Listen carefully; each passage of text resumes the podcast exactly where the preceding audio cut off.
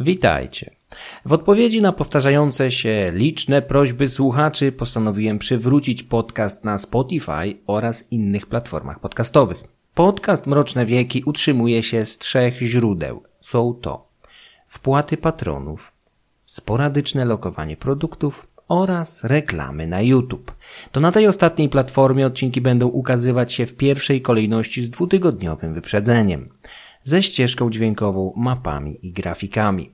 Tam również można zostawiać komentarze, na które staram się odpowiadać. Pogłoski, jakobym był agentem wpływu obcego mocarstwa, Niemiec, Izraela, Rosji, jakkolwiek barwne, są wyłącznie pomówieniami. Gdyby tak faktycznie było, nie musiałbym umieszczać tego wstępu. Zamiast niego czekałbym jedynie na kolejny przelew z obcej ambasady, wylegując się na Kajmanach, Malediwach albo w Bieszczadach. Słuchając Mrocznych Wieków na Spotify lub platformach innych niż YouTube, weź pod uwagę, drogi słuchaczu lub słuchaczko, że w żaden sposób nie zarabiam na nich, pomimo tego, że przygotowanie niektórych odcinków może trwać nawet dwa tygodnie. Jeżeli treści wyjątkowo przypadną Ci do gustu, możesz rozważyć stałe wsparcie tego kanału przez Patronite lub kupić autorowi jednorazową wirtualną kawę dzięki Buy Coffee. Linki znajdują się w opisie każdego odcinka. Dziękuję, Michał Kuźniar. 13 października był w Rzymie, jak podają źródła, wyjątkowo pochmurny i deszczowy. Opady ustały nieco po południu i właśnie wtedy, korzystając ze sprzyjającej aury, drzwi pałacu na Palatynie rozstąpiły się, wypuszczając na zewnątrz grupę kilku osób. Siedemnastoletni Neron wyszedł na spotkanie oczekujących go pretorianów w towarzystwie ich dowódcy, Afraniusza Burrusa. Zgromadzonym na placu żołnierzom ogłoszono smutną nowinę. Poprzedniej nocy zmarł po trzynastu latach panowania zasłużony Klaudiusz.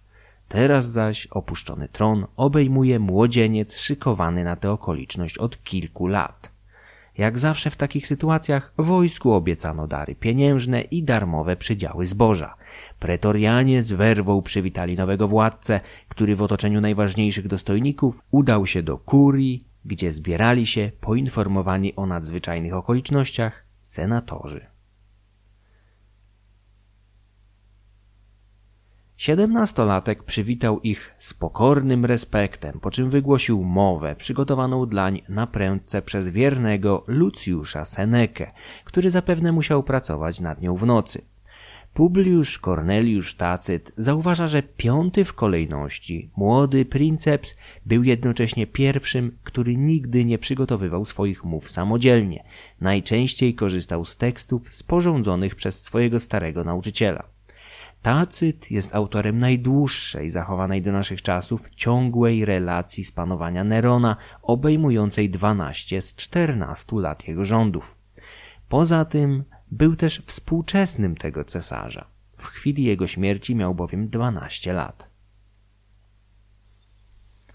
Neron podczas swojej mowy inauguracyjnej obiecał zebranym senatorom szacunek, praworządność i podążanie ścieżkami zmarłego przed 40 laty Augusta.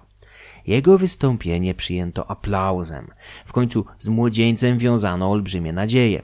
Liczono, że współpraca z nim będzie układała się senatowi znacznie lepiej, aniżeli z jego niepopularnym ojczymem, Klaudiuszem. Pomimo niechęci do tego ostatniego, senatorzy zgodzili się zaliczyć zmarłego w poczet bogów. Pierwszy dzień panowania nowego princepsa zakończył się rutynowym przekazaniem straży pałacowej hasła na kolejny dzień. Zapytany o hasło dla wartowników, Neron bez wahania wypowiedział słowa Optima Mater, najlepsza matka.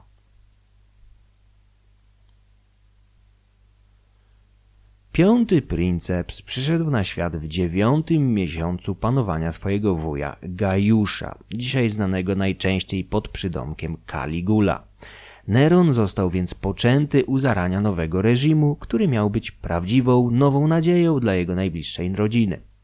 Gdy jego rodzice, Agrypina zwana młodszą dla odróżnienia od swojej matki i Gneusz Domicjusz Achenobarbus dokonywali poczęcia przyszłego władcy Rzymu, na południu Italii stygły zwłoki Tyberiusza, a w kierunku miasta nad Tybrem wędrował orszak prowadzący młodego Gajusza, nadzieję Rzymu. Neron przyszedł na świat w grudniu 37 roku w nadmorskim Ancjum jako Lucjusz Domicjusz Achenobarbus. Łączył w sobie krew dwóch wielkich rodów. Jego dziadkiem od strony matki był sam Germanik, pra pradziadkiem zaś Marek Antoniusz. Prababką małego Lucjusza była Julia, córka Oktawiana Augusta. W żyłach malca urodzonego podobno tuż po wschodzie słońca płynęła krew o barwie godnego pozazdroszczenia błękitu. W przenośni oczywiście. Domicjusze, ród od strony ojca, byli również jedną z najstarszych i najbardziej szanowanych dynastii w mieście nad Tybrem. Wydali wielu konsulów i wybitnych senatorów. Szczycili się swoim niecodziennym przydomkiem Achenobarbus, znaczącym tyle co rdzawo brody. Rdzawy lub bursztynowy kolor włosów i brody, który nazwalibyśmy dzisiaj rudym, dominował wśród członków tego rodu. Legenda mówiła, że otrzymali go w darze od bogów. Pewnego dnia, wiele pokoleń wcześniej, niebiański wysłannik miał przekazać jednemu z domicjuszów wieść o ważnym zwycięstwie odniesionym przez legiony, a na potwierdzenie swojego nadprzyrodzonego pochodzenia Boski Herold jednym ruchem dłoni zmienił barwę włosów na twarzy Domicjusza z czarnej na rudą. I tak już zostało w rodzinie. Mężczyźni z rodu Domicjuszów znani byli z niepohamowanej ambicji, energii i awanturnictwa. Zdawali sobie z tego sprawę. W końcu ojciec małego Lucjusza miał tuż po jego narodzinach w przypływie szczerości stwierdzić, że z dziecka zrodzonego z niego i Agrypiny nie może wyrosnąć nic dobrego. Dzieciństwo małego Lucjusza trudno uznać za wzorowe i godne pozazdroszczenia. Prędko stał się bowiem sierotą. Gdy miał dwa lata, jego matka Agrypina została rozkazem brata Gajusza zesłana na wygnanie. Znana z nieprzeciętnych ambicji kobieta wzięła udział w nieudanym spisku na życie urzędującego cesarza. Sprzysiężenie wykryto na czas, członków zaś zgładzono lub wygnano. Zaledwie rok później z powodu puchliny wodnej zmarł ojciec chłopca. Konający Domicjusz zapisał malcowi jedną trzecią majątku w testamencie, resztę skrupulatnie przekazując panującemu Gajuszowi.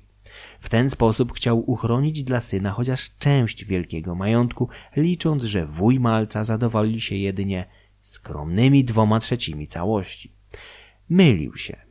Problemy finansowe Gajusza skłoniły go do przejęcia całości spadku. Mały Lucjusz został wyzuty z ojcowizny. Trzylatka pozbawionego rodziców przygarnęła ciotka Domicja. Słynąca ze skąpstwa dała Lucjuszowi dach nad głową i zapewne niewiele ponadto. Malec wychowywał się przez kilkanaście miesięcy pod opieką tancerza i balwierza. Nikt specjalnie się nim nie interesował, ale już wtedy zaczął zdradzać zainteresowanie sztuką śpiewem, tańcem, malowaniem i rzeźbą. Być może w ten sposób malec znalazł sobie ucieczkę przed rzeczywistością? Z drugiej strony trudno podejrzewać trzylatka o jakąś szczególnie pogłębioną zdolność do analizowania otaczającego go świata. Dzieciństwo małego Lucjusza poza kilkunastomiesięcznym okresem osierocenia było i tak nieporównywalnie spokojniejsze od tego, jakie musiała znieść jego matka, ciotki i wuj Gajusz. W styczniu 41 roku Gajusz poniósł śmierć w wyniku zamachu, a Grypina zaś prędko wróciła do Rzymu z wygnania, łącząc się z synem. Na tron wstąpił zupełnie nieoczekiwanie Klaudiusz, będący dla Lucjusza dziadkiem stryjecznym, a dla Agrypiny stryjem. Panowanie wyśmiewanego powszechnie jąkały okazało się nadzwyczaj spokojne dla państwa i najbliższej rodziny. Krążyły co prawda pogłoski, że trzecia małżonka Klaudiusza, Messalina, miała widzieć w małym Lucjuszu zagrożenie dla jej syna Brytanika, przewidzianego na następcę tronu. Messalina miała nawet planować uśmiercenie chłopca, ale z planów tych nic nie wynikło. Wcześniej straciła bowiem życie w wyniku jednego z wielu dworskich skandali. 49 roku po straceniu Messaliny samotny Klaudiusz ożenił się ze swoją bratanicą, Agrypiną, szokując tym samym znaczną część rzymskiej opinii publicznej. Małżeństwo było przez późniejszych kronikarzy często traktowane jako efekt braku rozsądku Klaudiusza, ale dzisiaj dostrzega się również inne motywy, jakie mogły kierować starym princepsem. Połączenie się węzłem małżeńskim z bardzo popularną córką Germanika było dla starego cesarza szansą na wzmocnienie swojej władzy i wizerunku nadszarpniętego skandalem zgotowanym mu przez Messalinę. Do tego na jakiś czas mogło to ograniczyć machinacje ambitnej Agrypiny, starającej się o zapewnienie jak najlepszej przyszłości jej synowi Lucjuszowi. W roku 50, krótko po zawarciu małżeństwa, Klaudiusz oficjalnie adoptował dwunastoletniego Lucjusza, który w tym momencie przybrał nowe imię Nerona. Zdaniem profesora Krawczuka słowo Nero wywodziło się z języka sabińskiego, w którym oznaczało kogoś mężnego, dzielnego. W dynastii panującej zdarzali się już wcześniej Neronowie, chociaż nie zdołali nigdy odegrać roli tak poważnej jak ten Neron, syn Agrypiny. Pomimo noszenia godnego imienia, odwaga i męstwo nigdy nie miały stać się udziałem młodzieńca. Miał on jednak wiele innych, barwnych cech charakteru, którymi prędko zdobył sobie serca Rzymian. Według Swetoniusza Neron był słusznego wzrostu. Miał gruby kark i wydatny brzuch. Harmonię jego korpulentnej sylwetki dodatkowo zaburzały wyjątkowo chude łydki. Włosy miał jasne, w kolorze blond, fryzował je elegancko w piętra, gdy zaś sporadycznie rozplatał je, opadały mu aż na barki. Jego twarz była według ówczesnych standardów uważana za wyjątkowo piękną, choć niezbyt miłą. Głos jego był niski, głuchy i basowy. Niebieskie oczy Nerona od dzieciństwa były słabe. Młodzieniec mrużył je nagminnie. Był krótkowidzem. W przyszłości miał poprawiać zasięg i precyzję wzroku za pomocą jakiegoś kryształu o właściwościach powiększających. Jego ciało miało wydawać nieprzyjemny zapach, a jakby tego było mało, pokrywały je jakieś plamy. Miał fantastyczną, niemal fotograficzną pamięć do imion i twarzy. Bez problemu potrafił rozpoznawać podczas audiencji większość zgłaszających się do niego petentów, nawet bez pomocy nomenklatora, czyli sługi odpowiedzialnego za identyfikację takich osób. Według Swetoniusza Neron cieszył się wybitnym zdrowiem. W ciągu czternastoletnich rządów miał zachorować jedynie trzykrotnie, nigdy jednak poważnie. I to wszystko pomimo wyjątkowo niehigienicznego trybu życia, w którym nie brak było uczt, alkoholu, seksu i sportu, także wyczynowego. Chłopiec był nieco ponad trzy lata starszy od Brytanika, syna Klaudiusza i domyślnego następcy tronu. Małżeństwo Agrypiny, promowanej przez Pallasa, jednego z prominentnych wyzwoleńców Klaudiusza, przetasowało jednak całą szachownicę. Nerun był co najmniej tak samo dobrze urodzony jak Brytanik. Do tego był starszy, cieszył się końskim zdrowiem i wsparciem najlepszej z matek. Agrypina robiła wszystko, aby Klaudiusz zgodził się promować swojego pasierba. Zdominowany przez żonę bratanicę, starzec ustępował przed jej energią i machinacjami. W końcu to Neron stał się oficjalnym następcą tronu. W 53 roku szesnastoletni młodzieniec poślubił córkę swego ojczyma, trzynastoletnią Oktawię, dodatkowo wzmacniając swoje szanse na tron. Aby małżeństwo nie miało cech kazirodztwa, zastosowano wybieg formalny, przenosząc dziewczynę do innego rodu w dniu jej ślubu. Tajemniczy zgon starego cesarza w nocy z 12 na 13 października 54 roku zrodził wiele plotek i podejrzeń. Agrypinę oskarżano o podanie małżonkowi potrawy z borowików zatrutych wcześniej przez Lokustę, galijską trucicielkę. Pomówień wysuwanych pod adresem Agrypiny nigdy nie będziemy w stanie potwierdzić ani zdyskredytować. Sam Neron miał jednak wiele lat później, dość tajemniczo, powiedzieć, że grzyby są prawdziwym pokarmem bogów. Czyżby była to subtelna aluzja do ostatniego posiłku jego boskiego ojczyma? Klaudiusz był 64-letnim, wyniszczonym przez liczne choroby i alkoholizm starcem. Mógł równie dobrze umrzeć śmiercią naturalną. Agrypina działała po śmierci męża z piorunującą prędkością, co może być dla nas pewną poszlaką, ale z drugiej strony ta przebiegła i doświadczona przez życie kobieta, córka Germanika, siostra Gajusza i żona Klaudiusza mogła po prostu w odpowiednim momencie uruchomić siatkę swoich popleczników, takich jak prefekt pretorianów Burrus czy filozof Seneca. W starciu z nią trzynastoletni Brytanik był bez szans. Jesienią 54 roku doszło do bezproblemowej zmiany na tronie, a wszyscy rozsądni mieszkańcy imperium musieli odetchnąć z ulgą, zwłaszcza, że władcą został młody i bardzo obiecujący Neron, ulubieniec tłumów. Młodzieniec z racji braku doświadczenia nie był w stanie od razu sprawować realnej władzy samodzielnie. Było to rzeczą powszechnie zrozumiałą. Nieoficjalną regentką i najpotężniejszą osobą w państwie stała się więc Agrypina, wspierana przez swoich załóżników, szczególnie Burrusa i Senekę. Pierwszy z nich był samodzielnym dowódcą pretorianów, co tym bardziej świadczyło o jego wpływach, ponieważ urząd ten zazwyczaj sprawowało dwóch ludzi.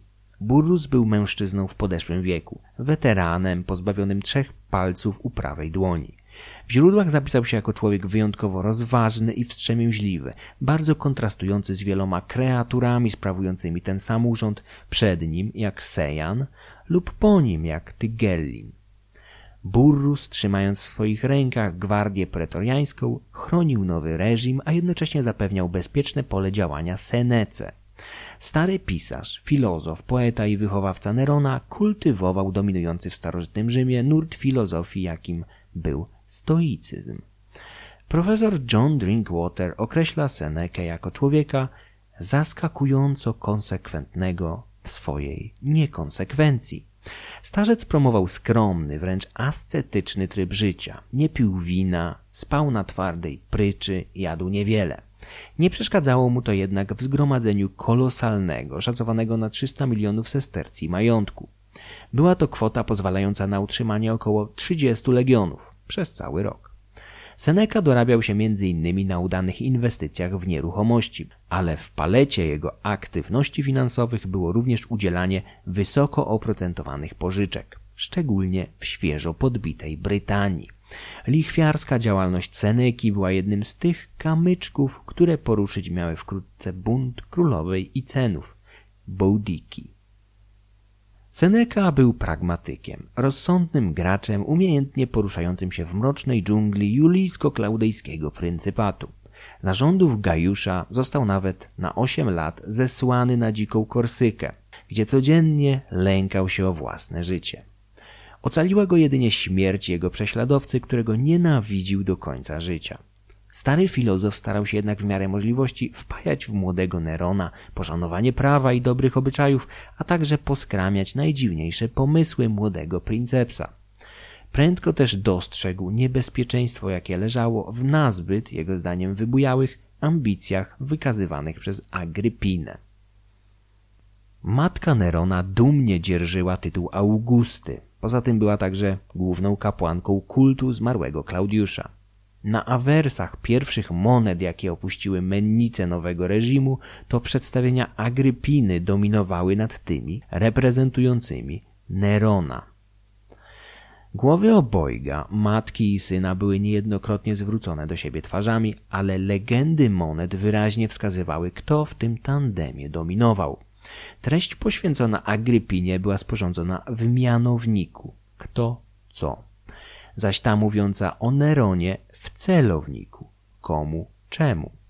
Właścicielką kolejnych emisji opuszczających mennicę była więc Agrypina, wspaniałomyślnie darująca monety albo dedykująca je swojemu synowi, princepsowi. Już po kilku miesiącach miało się to jednak zmienić. Początkiem 55 roku sytuacja odwraca się i to Neron zaczyna dominować na kolejnych emisjach, Agrypina zaś jest stopniowo, lecz nieubłaganie spychana na drugi plan. Subtelne zmiany w polityce monetarnej kryją jednak znacznie drastyczniejsze przetasowania, do jakich dochodziło wówczas na Palatynie.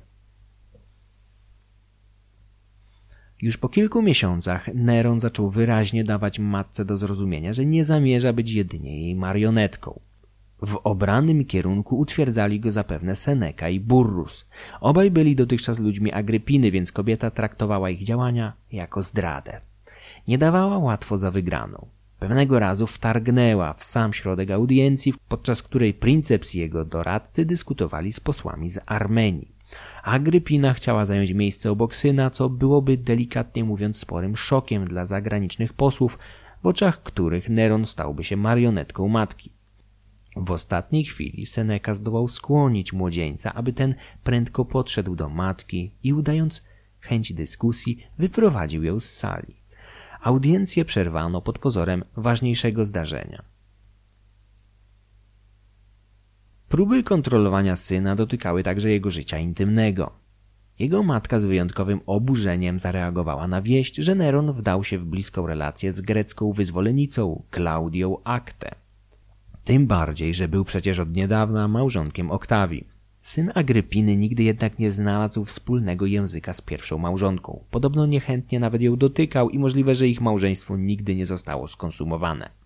Młody mąż miał nawet sugerować, że Oktawia powinna zadowolić się swoją suknią i biżuterią małżeńską. Agrypina nie sprzeciwiała się związkowi z Aktę ze względów etycznych. Nie miało to dla niej żadnego znaczenia, czy jej syn zaspokaja swoje potrzeby z kobietami niższych stanów. Było to wówczas rzeczą absolutnie naturalną. Problem leżał gdzie indziej. W Aktę Neron znalazł godną siebie partnerkę, co w oczach Agrypiny, mocno popierającej związek z bardzo popularną wśród ludu córką Klaudiusza, było ryzykowne. Oktawia wzmacniała pozycję Nerona i jego prawa do tronu – Aktę zaś była jedynie niewiele znaczącą kobietą, byłą niewolnicą. Matka cesarza zaczęła zwalczać wyzwolenicę. Przeliczyła jednak swoje siły i prędko musiała skapitulować wobec determinacji syna, wspieranego przez przyjaciół i doradców, widzących w relacji z aktę wentyl bezpieczeństwa, ujście dla młodzieńczych potrzeb. Aktę, tak jak zresztą większość postaci przewijających się na dworze Nerona, jest kojarzona głównie z sienkiewiczowskiej powieści Quo Vadis, gdzie jest szlachetną, byłą kochanką Nerona i chrześcijanką.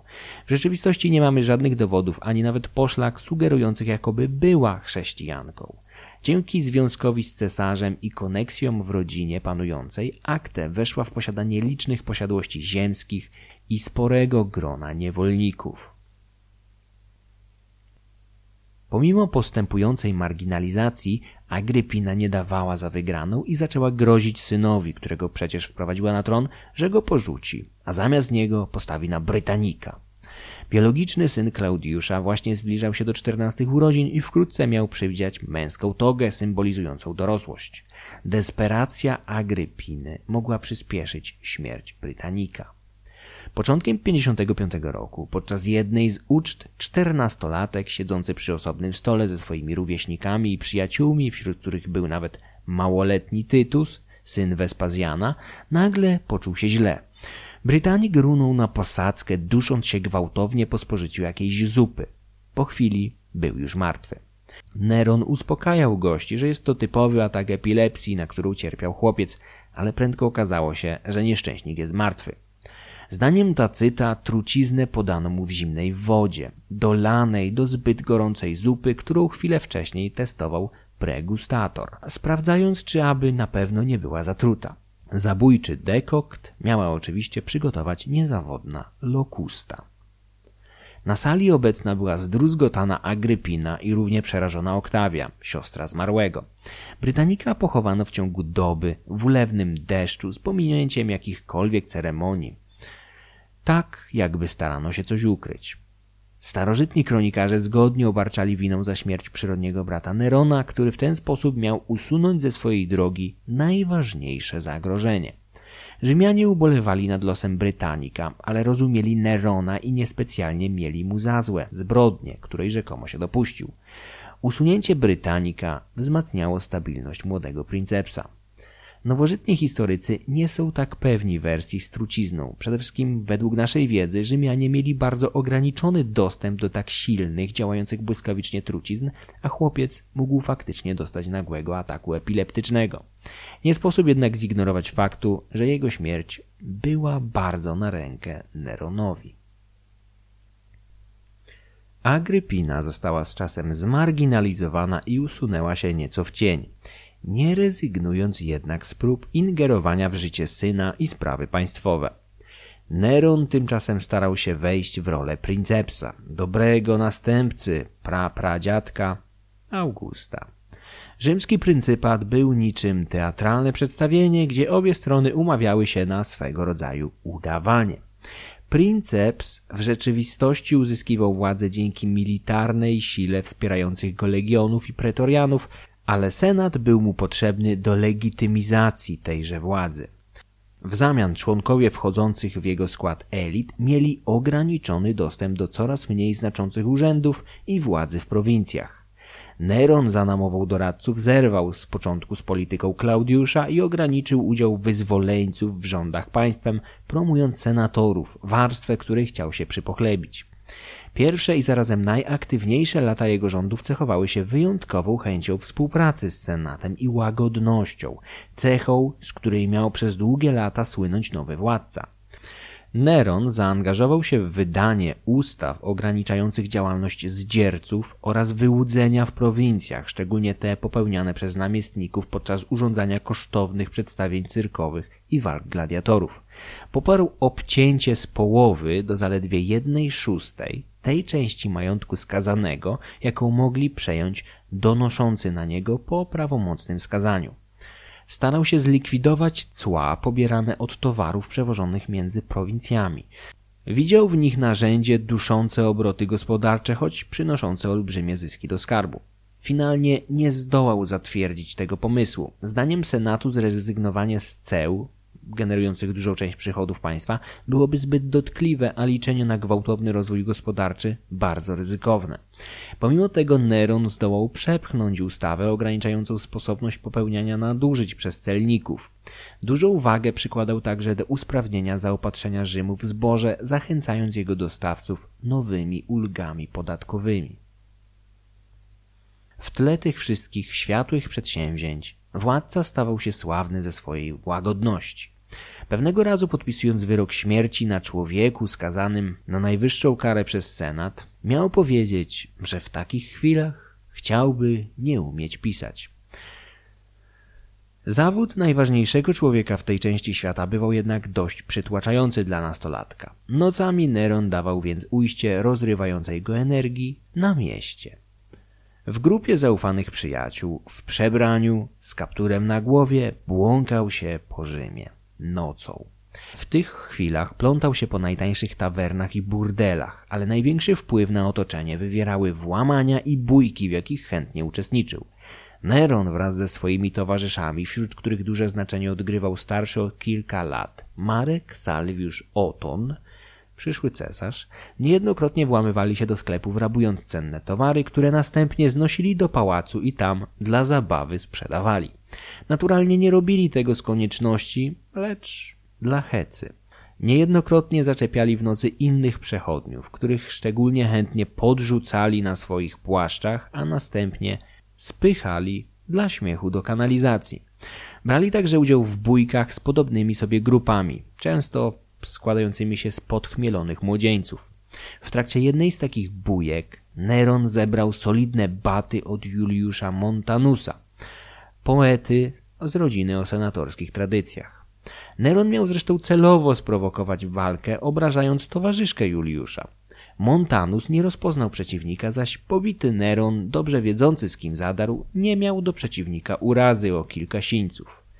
Ktoś jednak doniósł Montanusowi o tym, kogo ten raczył pobić na mieście. Wówczas przerażony poeta zaczął listownie prosić princepsa o przebaczenie, a sprawa niestety nabrała rozgłosu. W tym momencie Neron miał stwierdzić, że przeciwnik być może jednak wiedział, że atakuje swojego cesarza. Montanus musiał popełnić samobójstwo. Princeps zaś zaczął wychodzić na miasto z gladiatorami i pretorianami, którzy podążali w pewnej odległości od niego. Interweniowali jedynie wtedy, gdy bójki przybierały zbyt gwałtowny obrót. Nocne awantury Nerona miały charakter chuligański, ale ani on, ani jego towarzysze nie zamierzali nikogo mordować. Najczęściej dochodziło do kłótni i bujek z podobnymi im grupami tryskających energią młodzieńców. Czasami wyprawy kończyły się rozbojami. Starożytny Rzym po zmroku był miejscem, w którym nie pokazywał się nikt porządny, a jeżeli już, to tylko w grupie. Ludzie niejednokrotnie wychodzili z domu, by potem zniknąć na zawsze, a praktycznie co noc ktoś ginął w ulicznych burdach. Nie było policji w naszym rozumieniu tej instytucji, a miastem rządziło prawo pięści. Nocne eskapady Nerona szybko stały się powszechnie znane, a ludzie najzwyczajniej w świecie bali się bronić przed bandami awanturników, obawiając się, że mogą walczyć z cesarzem. Po jakimś czasie, prawdopodobnie pod naciskiem doradców, Neron przestał szukać na mieście przygód w ten sposób. Przez całe swoje życie syn Agrypiny namiętnie trenował zapasy, co przy jego masywnej posturze i wysokim wzroście czyniło go przeciwnikiem niełatwym do pokonania w takich ulicznych burdach. Nerona można było niejednokrotnie spotkać w gimnazjonach, gdzie siedząc na piasku, na tym samym miejscu co sędziowie, przyglądał się uważnie treningom i walkom najlepszych zapaśników z jego czasów. Niejednokrotnie włączał się do pojedynków. Popkultura, a szczególnie kino, stworzyło wizerunek Nerona jako otyłego safanduły w średnim wieku brzdąkającego bezmyślnie w struny liry ku utrapieniu otoczenia. W rzeczywistości był jak na swoje czasy bardzo wysportowany. Jego największą namiętnością, po sztuce oczywiście, były wyścigi rydwanów, będące niczym więcej jak szalenie ryzykowną gonitwą, podczas której woźnica ciągle ryzykował zdrowie i życie. Neron namiętnie ścigał się, pędząc w koszu z drewna i wikliny, ciągniętym czasami przez dziesięć rumaków, przywiązany lejcami do zaprzęgu. Pod tym względem nie odstawał od wielu swoich rówieśników, a także paru innych cesarzy jak Gajusz czy znacznie później Heliogabal. Już jako chłopiec miał bawić się namiętnie replikami rydwanów z kości słoniowej. Dyskutował z rówieśnikami o wynikach najnowszych gonitw, a skarcony raz przez wychowawcę bronił się, że mówił przecież o epizodzie z Iliady, tym, w którym Achilles ciągnął za swoim rydwanem zwłoki Hektora.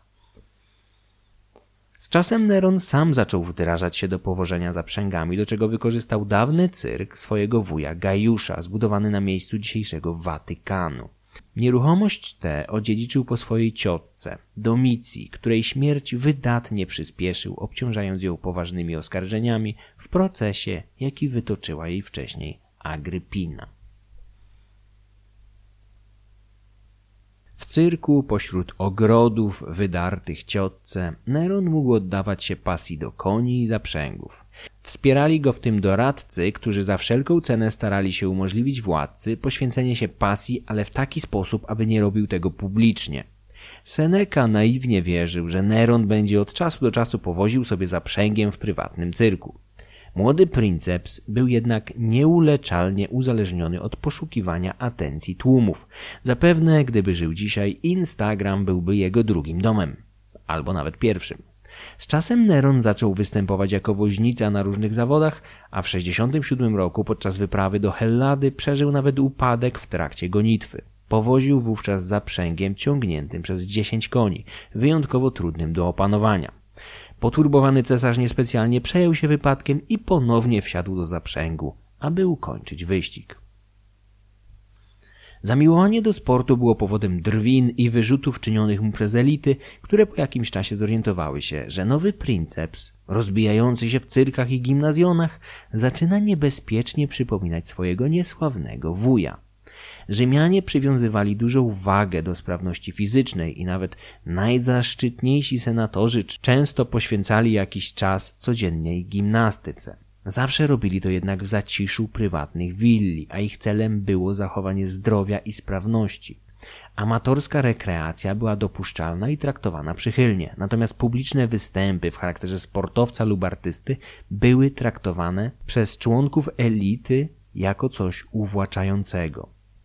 Senatorzy, dowiedziawszy się kiedyś, że cesarz pragnie wystąpić w jakichś igrzyskach, z góry przegłosowali przyznanie mu nagród z wszystkich dyscyplin, tak aby tylko odwieść go od tego nierozsądnego pomysłu. Neron na przekór uchwałom wziął jednak udział w zawodach. Co ciekawe, uczestnicząc w zawodach, zawsze starał się trzymać reguł i wszyscy obecni byli świadkami, jak bardzo stresowało go uczestnictwo w kolejnych tego typu imprezach. Zdawał się nigdy nie być pewnym ostatecznego wyniku. Był wyjątkowo pokorny wobec sędziów, którzy z kolei i tak zawsze przyznawali mu najwyższe laury.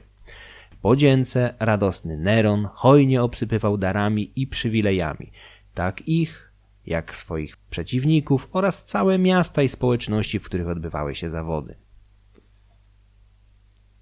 I tutaj dochodzimy do zainteresowań artystycznych młodego Nerona.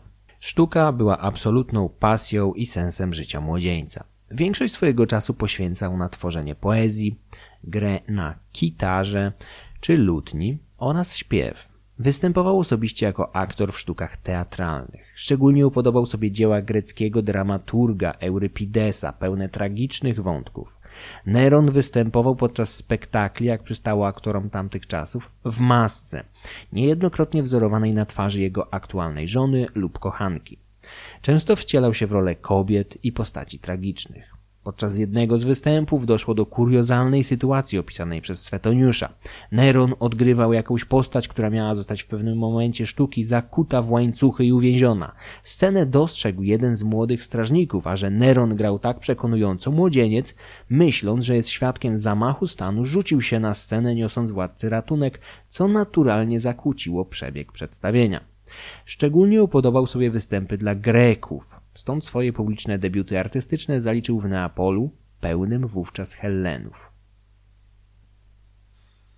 Aby zadbać o dobre przyjęcie występów cesarza, powołano specjalną grupę pięciu tysięcy młodych, opłacanych mężczyzn zwanych Augustianami.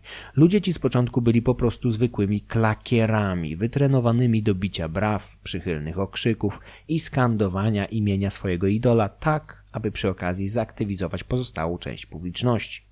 Z czasem Augustianie stali się także gwardią przyboczną i konkurencją dla pretorianów.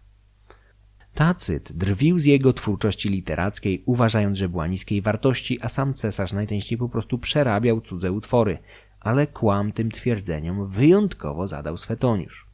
Pracując w archiwach państwowych za czasów Hadriana, Swetoniusz dokopał się między innymi do autentycznych zapisków Nerona, w większości utworów literackich i poezji. Wszystkie te utwory nosiły znamiona pracy twórczej, liczne przekreślenia, gry zmoły i odręczne komentarze na marginesach. Neron poświęcał się swoim artystycznym i sportowym zainteresowaniom w tak dużym stopniu, że z czasem doszedł do poziomu profesjonalisty. Prawdopodobnie nigdy nie był wybitny, ale wielu uważało go za sprawnego twórcę.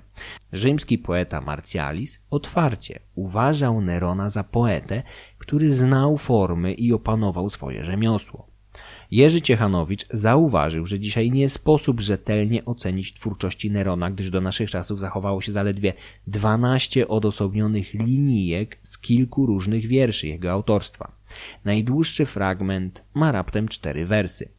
Pomimo tego w niektórych z nich Ciechanowicz dostrzegł coś, co określił jako wrażliwość i spostrzegawczość. Syn Agrypiny nie radził sobie za to z nauką tańca i zawsze wypadał w nim niezdarnie, z czego zresztą zdawał sobie sprawę. W wolnych chwilach malował i rzeźbił. Późniejszych latach swojego pryncypatu niemal kompletnie poświęcił się trenowaniu rzemiosła artystycznego, co wymagało od niego wielu wyrzeczeń. Oszczędzał swój głos, bardzo rzadko wypowiadając się publicznie. Usta zasłaniał chustką. Wzmacniał klatkę piersiową, leżąc na wznak z ciężką ołowianą płytą na piersiach, którą miarowo unosił i opuszczał, głęboko oddychając. Stosował ścisłą dietę. Unikał owoców, szczególnie jabłek, a także pieczywa. Zamiast nich często spożywał szczypiorek w oliwie i suszone figi, które miały rzekomo wzmacniać struny głosowe. Swoim zamiłowaniem do sztuki również przypominał wuja Gajusza. To Neron był inicjatorem zorganizowanych po raz pierwszy w 1959 roku Igrzysk Młodzieży, tzw. Tak juwenaliów. urządzanych ku czci bogini młodości zwanej Juventas lub Juventus. Od tego teonimu wziął później swoją nazwę słynny włoski klub piłkarski. Juvenalia zorganizowano w ogrodach watykańskich jako uczczenie uroczystego ścięcia pierwszej brody cesarza. Miał wówczas 21 lat. Ścięte włosy złożono potem w świątyni Jowisza, najlepszego, największego, w złotej puszce ofiarowanej bogom, co stało się powodem licznych drwin wśród współczesnych Neronowi artystów i literatów. Młody princeps zainicjował organizowane później za jego panowania co pięć lat igrzyska z nagrodami w stylu greckim, tak zwane Neronia, łączące zawody lekkoatletyczne, wyścigi rydwanów, recytację poezji i śpiew. Neron w zgodnej opinii historyków szczerze nienawidził przesadnej przemocy i brzydził się rozlewem krwi. Z tego powodu podpadł nawet Rzymianom, gdy w 57 roku oficjalnie zabronił dobijania pokonanych i rannych gladiatorów podczas igrzysk cyrkowych, nawet jeżeli byli skazańcami. W niechęci do rozlewu krwi bardzo odstawał od tradycji swoich przodków. Achenobarbowie znani byli bowiem z awanturnictwa i skłonności do przemocy. Dziadek Nerona miał podczas wyprawy na wschód zabić jednego ze swoich wyzwoleńców tylko dlatego, że ten podczas pijatyki nie chciał skonsumować tyle alkoholu, ile oczekiwał od niego stary Domicjusz. Ojciec Nerona z kolei wdał się kiedyś w jakąś kłótnię z pewnym ekwitą na forum i w trakcie awantury wybił oponentowi oko. Innym razem z kolei zorganizował igrzyska tak okrutne, że sam Oktawian August miał udzielić mu nagany. Najpierw w cztery oczy, a gdy to nie pomogło, Oktawian zabronił ojcu Nerona organizowania kolejnych igrzysk. Princepsa z męskimi przodkami łączyła głównie jasna barwa włosów i zamiłowanie do rydwanów. Wbrew potocznym opiniom, nigdy nie był alkoholikiem, jak na przykład Klaudiusz. Pił wino, lecz go nie nadużywał. Znany był z zamiłowania do długich uczt, trwających od południa aż do północy, ale w ich trakcie więcej było dyskusji niż pijaństwa i obżarstwa. Do tego w trakcie takich posiedzeń Neron co jakiś czas odświeżał się pływając w basenie. Zazwyczaj pijał napój, który sam nazywał aqua decocta. Była to przygotowana woda schłodzona lodem. Nie wiadomo na ile zamiłowanie do tego trunku wynikało z czystej fanaberii, a na ile z przeczucia, że przegotowana woda jest zdrowsza od tej niepoddanej obróbce termicznej. Neron był dzieckiem swoich czasów i przesądów. Zdaniem Michaela Granta jako zapaśnik mógł na przykład pijać wodę zmieszaną ze spopielonym winem knura, którą powszechnie uważano wówczas za dobry suplement diety dla zapaśników. Taki koktajl miał pomagać w gojeniu ran i obrażeń, także wewnętrznych. Neron zawsze cierpiał na skłonność do nadwagi, z którą walczył co jakiś czas, zażywając środki wymiotne i przeczyszczające lewatywy. Cesarz kochał luksus i przepych. Nigdy nie miał w zwyczaju zakładać ubrania dwa razy. Jego hojność bardziej przypominała rozrzutność. Pewnego razu miał od, od tak sobie wręczyć 10 milionów sestercji swojemu kompanowi i rzekomemu kochankowi Doryforosowi, co uruchomiło gwałtowną wściekłość Agrypiny. Nigdy nie był skąpy ani małostkowy. Jeden z kronikarzy określa Nerona jako zwolennika nieprawdopodobnych przedsięwzięć. Cesarza fascynowały wszelkie ciekawostki, odkrycia i wielkie inwestycje. Z jego inicjatywy wybudowano w Rzymie na polu marsowym wielkie termy, czyli łaźnie, które wiele lat później chwalili nawet najzagorzalsi krytycy zmarłego. W środku miasta postawiono drewniany amfiteatr, który gościł tak uwielbiane przez fundatora igrzyska. Będąc w Grecji w 67 roku, Neron symbolicznie rozpoczął pracę nad budową kanału przez Istm Koryncki. Pomimo złych wróżb, własnoręcznie wybrał trochę ziemi złotą łopatą lub motyką, a następnie w wiklinowym koszyku wyniósł ją poza teren prac. Do robót zagonił towarzyszących mu pretorian, przynajmniej do czasu, gdy Wespazjan, tłumiący wówczas powstanie w Judei, nie przysłał mu sześciu tysięcy żydowskich jeńców, którzy kontynuowali pracę nad strategicznie ważnym przekopem. Śmierć cesarza w 68 roku i chaos, jaki zapanował w państwie potem, przerwała pracę, które wznowiono dopiero w XIX wieku.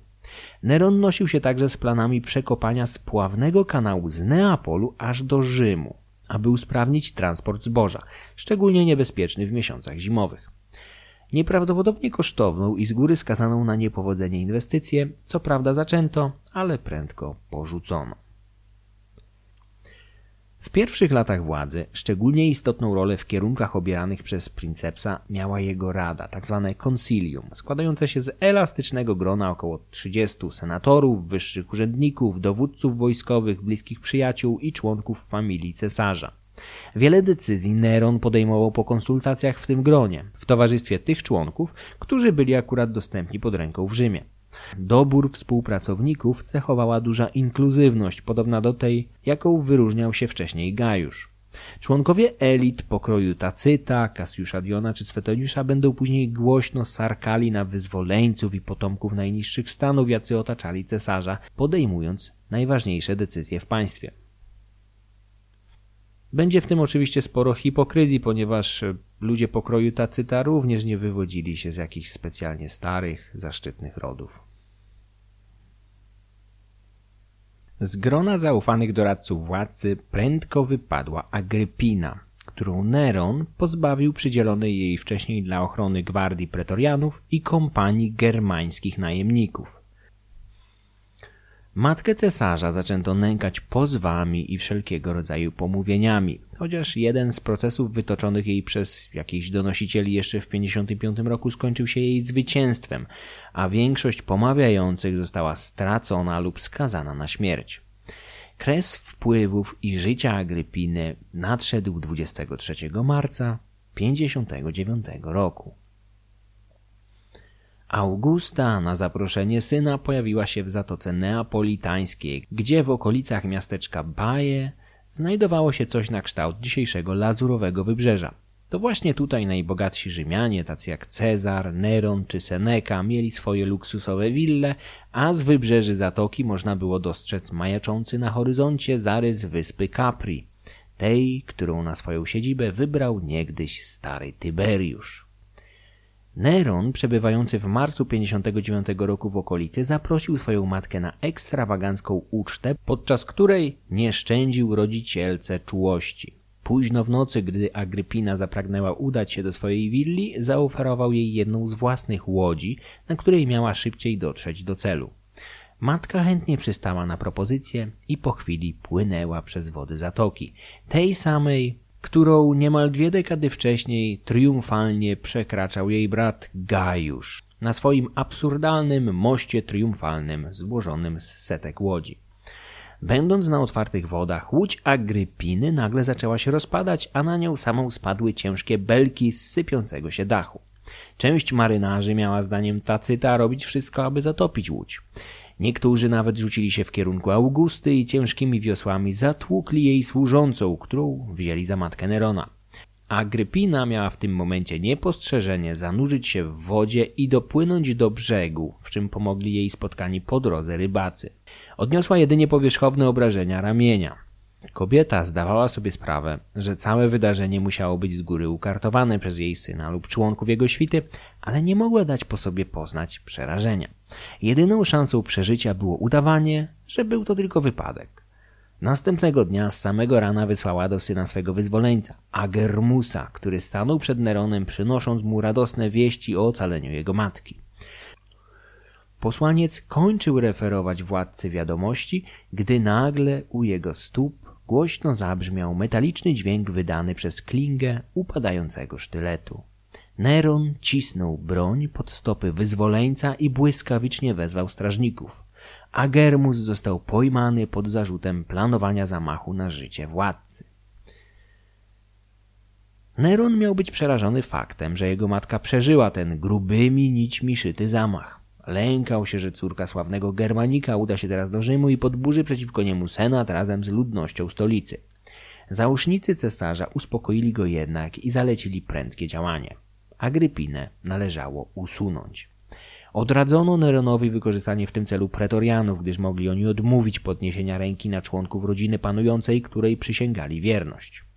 Neron wysłał więc z misją wyzwoleńca, Anicetusa, dowódcę miejscowej eskadry floty, który miał być także pomysłodawcą nieudanego zamachu z rozpadającym się statkiem. Anicetus udał się razem z kilkoma siepaczami do willi Agrypiny. Wtargnął do środka siłą i zamordował kobietę, która miała z wyjątkową odwagą przyjąć nieunikniony los. Najbliższe środowisko władcy sprzedało następnie swoją wersję w historii, w której to zdradziecka Agrypina, pragnąca ponownie przejąć władzę, nasłała na syna wyzwoleńca Agermusa z misją zabicia Nerona. Cesarz cudem uniknął śmierci, zaś jego matka, wstrząśnięta niepowodzeniem zamachu, popełniła samobójstwo. Rzymianie, tak lud jak elity, przyjęły jednogłośnie tę wersję wydarzeń, przynajmniej powierzchownie. Sztylet domniemanego zabójcy złożono w świątyni, a powracający do stolicy władca był witany przez tłumy radujące się z jego ocalenia. Usłużni senatorzy na wyścigi głosowali nad zaszczytami dla cudownie ocalonego, proponując dodatkowo organizację efektownego święta dziękczynnego. Tylko jeden z senatorów, stary Trazea Petus, miał w geście niemego sprzeciwu bezceremonialnie opuścić siedzibę kurii w trakcie głosowania nad kolejnym świętem z okazji zabicia Agrypiny. Petus miał w ciągu najbliższych lat jeszcze kilkukrotnie okazać w podobny sposób biernym oporem swoją niechęć do niektórych poczynań Nerona, co finalnie miało mu przynieść niełaskę i śmierć. Pryncypat był pewną umową zawartą między pierwszym obywatelem a elitami. Te drugie musiały legitymizować jego władzę poprzez aktywne poparcie. Wycofanie się z tego teatru było uznawane za niebezpieczny sprzeciw, a czasami nawet bunt. Starożytni dziejopisowie są zgodni w oskarżeniu Nerona mianem matkobójcy. Bez wątpienia Agrypina została zamordowana, chociaż zapis wypadku w tej feralnej marcowej nocy różni się w detalach u poszczególnych pisarzy. Duże wątpliwości budzi dzisiaj szczególnie epizod z rozpadającym się statkiem. Jakkolwiek było to możliwe technicznie, tak wydawało się to nazbyt karkołomnym przedsięwzięciem, obarczonym zbyt dużym ryzykiem niepowodzenia. Obciążanie Nerona piętnem matkobójcy przybrało na sile dopiero z czasem, w kolejnych latach, gdy prysł czar młodego, łaskawego princepsa. Zastępowało go stopniowe zmęczenie ekstrawaganckimi fanaberiami rozrzutnego młodzieńca i odium kolejnych zbrodni. Pewną poszlaką sugerującą udział Nerona w zbrodni jest jego późniejsze zachowanie podczas wyprawy do Grecji w 67 roku. Młody princeps miał wówczas unikać odwiedzania Aten i udziału w misteriach eleuzyńskich. Tłumaczono to tak, że najsłynniejsze miasto Hellady miało być przecież miejscem, gdzie demoniczne Erynie prześladowały legendarnego Orestesa, mordercę Klita i Mestry. W Eleuzis z kolei jeszcze przed rozpoczęciem misteriów Herold ostrzegał wszystkich zbrodniarzy i świętokradców przed udziałem w ceremoniach. Czy Neron faktycznie lękał się zemsty bogów? Źródła pisane dość jasno podkreślają, że bywał przesądny, ale generalnie lekceważył wszelkie kulty, przez jakiś czas tylko okazując zainteresowanie wschodniej bogini Atargatis, którą Rzymianie zwali Dea Syria, syryjska bogini. Swetoniusz donosi, że prędko znudził się jednak jej kultem i raz nawet oddał mocz na jej posąg. Przez całe życie Neron przywiązywał za to sporą uwagę do kultu Apollina, boga sztuki i rozumu, z którym niejednokrotnie sam starał się utożsamiać. Po śmierci matki wyraził co prawda zgodę na jej pochówek, ale odmówił jej jakiejkolwiek znaczniejszej mogiły – Dopiero dekadę później, gdy on sam zszedł już z tego świata, Agrypina doczekała się grobowca z prawdziwego zdarzenia. Wydaje się, że ta niechęć do poprawnego pogrzebania matki zgodnie z tradycjami osób z jej stanu może być najsilniejszym dowodem na głęboką urazę, jaką do niej żywił. Urazę, która być może sprowokowała zbrodnię. Dlaczego Agrypina musiała umrzeć? W chwili śmierci miała zaledwie 43 lata. Istniało więc spore ryzyko, że przez kolejne dwie dekady, a może nawet dłużej, ta niebezpieczna i dodatkowo skonfliktowana z synem i jego załóżnikami kobieta będzie stanowić zagrożenie dla interesów reżimu. Tacyt i inni kronikarze najczęściej sugerują, że za śmiercią Agrypiny stała nowa miłość Nerona, piękna Poppea Sabina. Zaborcza matka cesarza miała rzekomo sprzeciwiać się związkowi, jaki rozwijał się między jej synem, a najsłynniejszą femme fatale ówczesnej epoki. Popea Sabina pochodziła z majętnej rodziny, która wydała wcześniej kilku konsulów i triumfatorów. Jej matka była jedną z ofiar morderczej Messaliny. Ojciec zaś stracił życie w czystkach jeszcze za Tyberiusza. Od 17 roku życia Popea wychowywała się jako sierota. Była około 6 lat starsza od Nerona, miała na swoim koncie wcześniejsze związki zakończone rozwodami oraz syna. Tacyt określa Popeę szczególnym komplementem. Jego zdaniem kobieta owa miała wszystko, z wyjątkiem uczciwości. Jej uroda była w Rzymie legendarna, ale podobnie wysoko oceniano jej inteligencję, dowcip i elokwencję. Dla młodszego Nerona ta doświadczona, piękna kobieta zbliżająca się do trzydziestki mogła być zarówno żoną, jak i matką.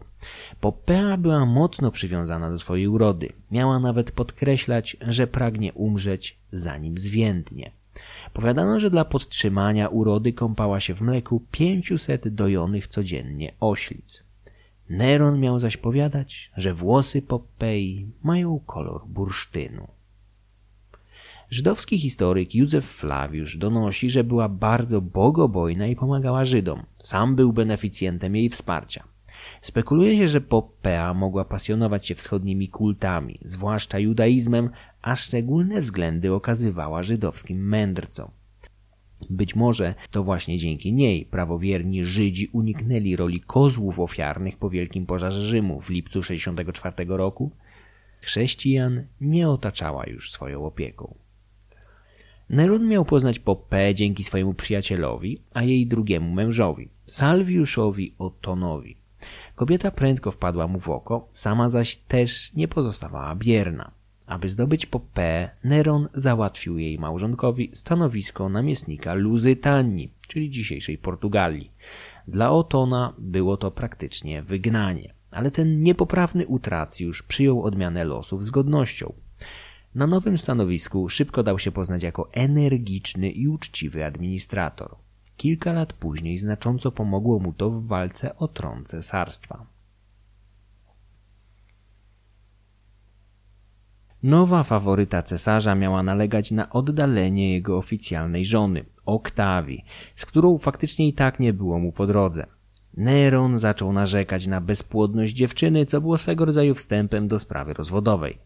Do tej doszło w 1962 roku, a umożliwiły ją istotne zmiany na dworze. W tym roku zmarł prefekt Afraniusz Burrus. Tacy dopisuje, że Burrusa prześladował od jakiegoś czasu guz w gardle, który rósł nieustannie, aż udusił prefekta. W mieście rozniosły się z czasem naturalnie plotki, podchwycone później choćby przez Swetoniusza, że to Neron odpowiadał za zgon zasłużonego prefekta, ale wersja Tacyta rozwiewa wątpliwości. Winny był prawdopodobnie nowotwór, w tamtych czasach niemożliwy do wyleczenia. Pozostaje jedynie zadać pytanie, jaka część tajemniczych zgonów z przeszłości, z marszu przypisywanych wszelakim Neronom, Kaligulom czy Messalinom, w rzeczywistości była efektem nieznanych wówczas chorób. Śmierć Burrusa mocno przetasowała wpływy na Palatynie. Zbliżający się do siedemdziesiątki Seneca uznał, że bez dotychczasowego wspólnika nie będzie już w stanie zachować swoich wpływów. Ciągle atakowany przez walczących choćby o skrawki władzy wyzwoleńców i karierowiczów, filozof poprosił Nerona o dymisję. Cesarz podziękował swojemu wychowawcy za lata współpracy, pozwalając mu na zachowanie olbrzymiego majątku, spędzającego sens powiek licznych dworzan. W stan spoczynku jakiś czas wcześniej udał się także Pallas, weteran dworskich intryg i wojenek, wyzwoleniec Klaudiusza, który niegdyś zeswatał go za Grypiną. Stary Pallas miał przejść na emeryturę zachowując swój kolosalny majątek wyceniany na około 400 milionów sestercji, największą fortunę prywatnego Rzymianina, o jakiej dowiadujemy się ze źródeł. Starzec zmarł jakiś czas potem, a z tego co wiemy większa część tego bogactwa bez problemów dostała się w ręce jego rodziny. Miejsce Burrusa, Seneki, Pallasa, starych dworzan dbających o rozważne zarządzanie imperium, a do tego popierających Oktawię, zajęli nowi. Wiodącą rolę prędko zdobył niejaki Ofoniusz Tygellin, nowy prefekt pretorianów, który jednak w przeciwieństwie do swojego poprzednika, Burrusa, musiał dzielić to stanowisko z kolegą, Feniuszem Rufusem. Tygellin stał się dzięki Tacytowi symbolem zdeprawowania i wynaturzeń Neronowego reżimu. Jeszcze za rządów Gajusza, młody Tygellin, wówczas służący siostrom cesarza, został wygnany z Rzymu razem z nimi po nieudanym zamachu Getulika w 39 roku. Miał być wyjątkowo przystojny, co dało Gajuszowi pretekst do oskarżenia go o romans z jego siostrami. Tygellin nie powiedział jednego ostatniego słowa. Był przez jakiś czas rybakiem w Helladzie, a po upadku Gajusza zaś powrócił do Italii, gdzie zajął się hodowlą koni wyścigowych w kampanii. Najprawdopodobniej dzięki wspólnej obu mężczyznom miłości do koni, Tygellin zdołał poznać Nerona, który widząc w nim wyjątkowo utalentowanego człowieka, uczynił go w 62 roku prefektem pretorianów i swoją prawą ręką. Nowy prefekt szybko zaczął poszerzać swoje wpływy. Zawiązał też bliską i owocną współpracę z Popeą. Neron w tym czasie już od co najmniej kilku lat oddalał się od obowiązków ciążących normalnie na władcy Wielkiego Imperium. Prawdopodobnie już od 58 roku nie brał aktywnego udziału w procesie ustawodawczym i rzadko pojawiał się w Senacie. Państwem zarządzali za niego szefowie poszczególnych gabinetów, faktyczni władcy imperium. Neron natomiast niemal cały swój czas poświęcał na realizowanie się w charakterze artysty i sportowca. Syn Agrypiny jest pod tym względem swego rodzaju fenomenem. Nie wiemy o żadnym porównywalnym do jego pozycji i wpływów władcy w historii świata, który w pewnym momencie, ciągle zasiadając na tronie, stałby się pełnoetatowym pieśniarzem i sportowcem. Wielu władców, jak choćby pruski Fryderyk Wielki, rozwijało talenty artystyczne, ale zawsze było to zajęcie hobbystyczne, któremu oddawali się po godzinach. Tygellin prędko rozpoczął realizowanie planu marginalizacji, a następnie zniszczenia Oktawii i dwóch innych mężczyzn spokrewnionych z dynastią panującą na tyle, że mogli być w teorii pewnym zagrożeniem dla Nerona. Plaut i Sulla, dwaj dalecy krewni z cesarza, Plaut i Sulla, dwaj dalecy krewni cesarza spokrewnieni z dynastią julijsko-klaudyjską, zostali jakiś czas wcześniej profilaktycznie wygnani z Italii. Pierwszy do Azji Mniejszej, drugi zaś do Marsylii. Powodem wygnania była kometa, która pojawiła się nad Italią, wzbudzając w pospólstwie przekonanie o zbliżającej się śmierci władcy i zmianie na tronie. Otwarcie zaczęto więc dyskutować o potencjalnych kandydatach do tronu, a dwaj pechowi mężczyźni najczęściej pojawiali się wśród spekulacji. Neron nie chciał ich pozbawiać życia, ale nakazał im profilaktycznie opuścić Italię, co też obaj natychmiast uczynili. W 62 roku jednak w reżimie dojrzała gotowość do pozbycia się dwóch niewygodnych krewnych. Obu zabito w tym samym roku. Tragiczny los spotkał w tym czasie także Oktawię. Młoda kobieta liczyła nieco ponad 20 lat. Od ośmiu zaś była małżonką człowieka, z którą nie łączyło jej nic. Jej mąż dodatkowo był głównym podejrzanym o otrucie jej brata. Neron pragnął osiągnąć rozwód z orzeczeniem o winie Oktawii. Tygellin urządził pokazowy proces, w którym jakiś niewolnik, fletnista, przyznał się do cudzołóstwa z żoną cesarza. Pretorianie starali się wyciągnąć dodatkowe zeznania, szczególnie od służących Oktawii za pomocą tortur.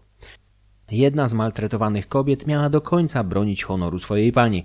Zdołała nawet wykrzyknąć Tygelinowi prosto w twarz, że genitalia Oktawii są czystsze niż jego usta. Neron uzyskał rozwód, a małżonkę oskarżoną o niestosowne prowadzenie się zesłano do kampanii. Na pocieszenie dostała jakieś majętności po zmarłym Burrusie i Pallasie, co samo w sobie było raczej ponurą wróżbą na przyszłość. Pomimo zesłania, prosty lud Rzymu nadal szczerze kochał Oktawię, a uczucie to zostało jedynie spotęgowane przez niedolę, jaka spadła na młodą kobietę. W mieście wkrótce wybuchły zamieszki wywołane przez tę część gawiedzi, która szczególnie głośno domagała się powrotu pierwszej żony cesarza. Zaczęto nawet obalać świeże posągi Popei, która przerażona obrotem spraw zdołała wymusić na równie zaskoczonym Neronie podjęcie energicznych działań.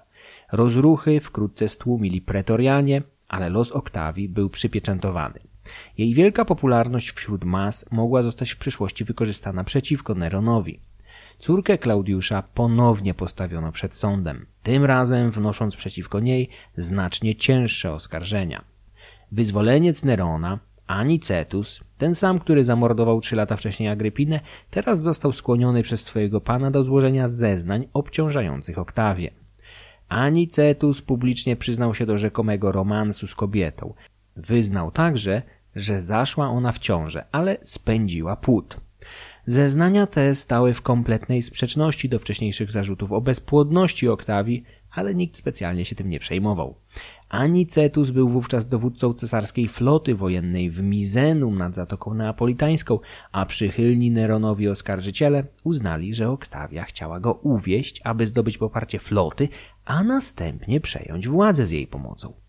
Wyrok w tej sprawie był łatwy do przewidzenia. Anicetus został wygnany na Sardynię, ale w podziękowaniu za współpracę otrzymał znaczny majątek, w którym spędził ostatnie lata życia spokojnie i beztrosko. Umarł śmiercią naturalną. Oktawia została skazana na wygnanie za zdradę stanu i zesłana na odległą wyspę. Jej więzieniem miała być maleńka, niegościnna, wulkaniczna Pandataria, dzisiaj znana jako Ventotene. W przeszłości Pandataria była miejscem zesłania córki Oktawiana, Julii oraz dwóch sióstr Gajusza, Agrypiny i Julii Livilli. W przeciwieństwie do tych dwóch ostatnich, Oktawia nie zdołała doczekać uwolnienia. Tacyt w ponurych barwach odmalowuje jej krótką gehennę na małej wysepce. Otoczona przez prymitywnych żołnierzy i centurionów, była żona Nerona w ciszy i rezygnacji oczekiwała śmierci, która nadeszła po zaledwie kilku dniach. Żołnierze oznajmili jej, że musi umrzeć. Pomimo protestów skazanej otworzyli jej żyły na obu rękach, ale krew bardzo powoli opuszczała wycieńczone ciało, więc zanieśli ją do jakiejś małej, dusznej łaźni parowej, w której wkrótce skonała z wycieńczenia.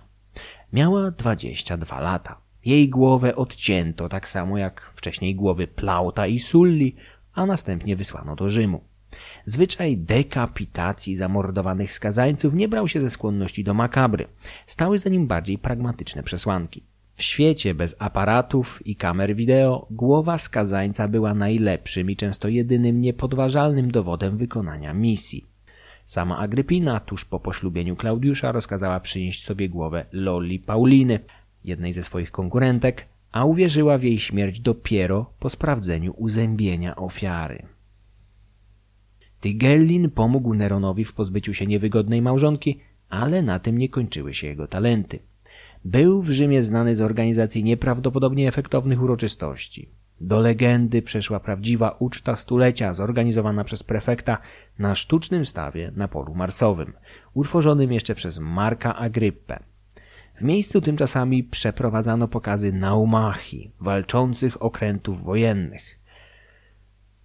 Biesiadnicy ucztowali tym razem na wielkiej, pozłacanej barce zdobionej drogocennymi muszlami importowanymi z Oceanu Indyjskiego i Morza Czerwonego. Na barce stanęły namioty biesiadne z purpury, a grubymi linami przymocowano do niej mniejsze łodzie w kształcie wodnych ptaków, na których ucztowali zaproszeni goście. W każdej z łodzi siedzieli młodzi i wyjątkowo urodziwi wioślarze, których Tacyt posądzał o oddawanie się najstarszemu zawodowi świata. W gaju otaczającym sztuczny staw pełno było satyrów z piszczałkami i fletami. Uczta stulecia, podobnie jak inne bardziej skromne, trwała od południa aż do późnych godzin nocnych. Setki gości bawiły się wśród strumieni wina, wykwintnych dań i drogocennej zastawy, często zrabowanej w prowincjach imperium. Całość mogły uzupełniać kurtyzany obojga płci, aczkolwiek źródła najprawdopodobniej przesadzają z ich nadmierną ilością. Nerona posądzano o erotyczne relacje z mężczyznami. W źródłach przewijają się trzy imiona: Doryforos, Pitagoras i Sporus. W zależności od autora różnią się detale, ale princeps miał rzekomo uczestniczyć w dwóch ślubach z mężczyznami, raz w charakterze pana młodego, a innego dnia pani młodej. Nie wiadomo na ile te relacje są oparte na faktach, a nie pomówieniach. W przypadku niektórych z tych ceremonii mogło chodzić o jakieś pijackie wygłupy lub parodiowanie ceremonii religijnych, bardzo możliwe ze względu na towarzystwo, w jakim obracał się Neron, jego fascynację aktorstwem i lekceważące podejście do religii. Tacyt pisał o Sporusie, młodym chłopcu, który szczególnie przypadł Neronowi do gustu w ostatnich latach jego panowania, gdyż bardzo przypominał Popeę Sabinę, która zmarła tragicznie w roku 65 na skutek obrażeń zadanych jej podczas kłótni małżeńskiej przez pijanego Nerona. Popea miała 35 lat i była wówczas w ciąży z cesarzem po raz drugi. Pierwsze dziecko, Klaudia, przyszło na świat w roku 63, kilka miesięcy po procesie Oktawii. Narodzinom dziewczynki towarzyszyły uroczyste dziękczynienia dla bogów i jak zwykle hojne rozdawnictwo wśród pospólstwa i armii. Neron nie nacieszył się jednak długo swoją córeczką. Po czterech miesiącach zmarła, jak wiele innych dzieci w tamtych czasach. Tacyt zanotował, że Neron nie miał umiaru w rozpaczy po utracie pierwszego i jedynego zarazem dziecka.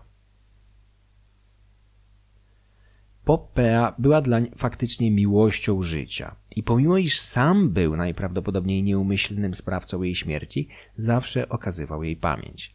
Wstrząśnięty swoim czynem miał pochować Poppeę w mauzoleum Augusta obok szczątków Oktawiana i jego potomków. W przeciwieństwie do powszechnej tradycji, jej zwłok nie skremowano, lecz zabalsamowano tak, aby nieprzeciętna uroda kobiety zachowała się po jej śmierci. Neron wkrótce poślubił swoją trzecią i ostatnią żonę, Statilię Messalinę, kobietę, która miała się wyróżniać urodą, inteligencją i wielkim majątkiem. Pomimo tego, przez jeszcze długi czas występował jako aktor tragiczny w masce stylizowanej na twarz Popei. Pewnym ujściem dla tęsknoty za małżonką mógł być faktycznie związek ze wspomnianym Sporusem, którego cesarz woził ze sobą praktycznie wszędzie. Neron kazał dodatkowo, rzekomo, wykastrować chłopca, aby przypominał Popę nie tylko rysami twarzy. O ile wcześniej wspomniane ceremonie ślubne z innymi mężczyznami można próbować opisywać jako parodie i wygłupy, o tyle nie podejmę się prób wytłumaczenia związku ze Sporusem na trzeźwo. Zwłaszcza, że Neron ewidentnie był heteroseksualny. Sporus i charakter więzi łączącej go z cesarzem w ostatnich latach jego życia jest jedną wielką niewiadomą. Zabójstwo Oktawii było dużym ciosem dla popularności Nerona, ale nie mogło trwale podkopać jego autorytetu. Prawdziwy cios przyszedł jednak latem 64 roku. Tacyt donosi, że w nocy z 18 na 19 lipca w okolicach Circus Maximus, w miejscu, gdzie znajdowała się bardzo duża ilość łatwopalnych kramów pełnych wszelakiego towaru, wybuchł najprawdopodobniej przypadkowy pożar, który ze względu na wiatr i wysoką o tej porze roku temperaturę prędko rozniósł się na pobliskie zabudowania, stopniowo przenosząc się do kolejnych dzielnic. Rzym był miastem gęsto zaludnionym, pełnym wysokich, wielopiętrowych domów biedoty i ciasnych uliczek. W metropolii nad Tybrem nie istniało wcześniej coś takiego jak plany zagospodarowania przestrzennego czy budownictwo przeciwpożarowe.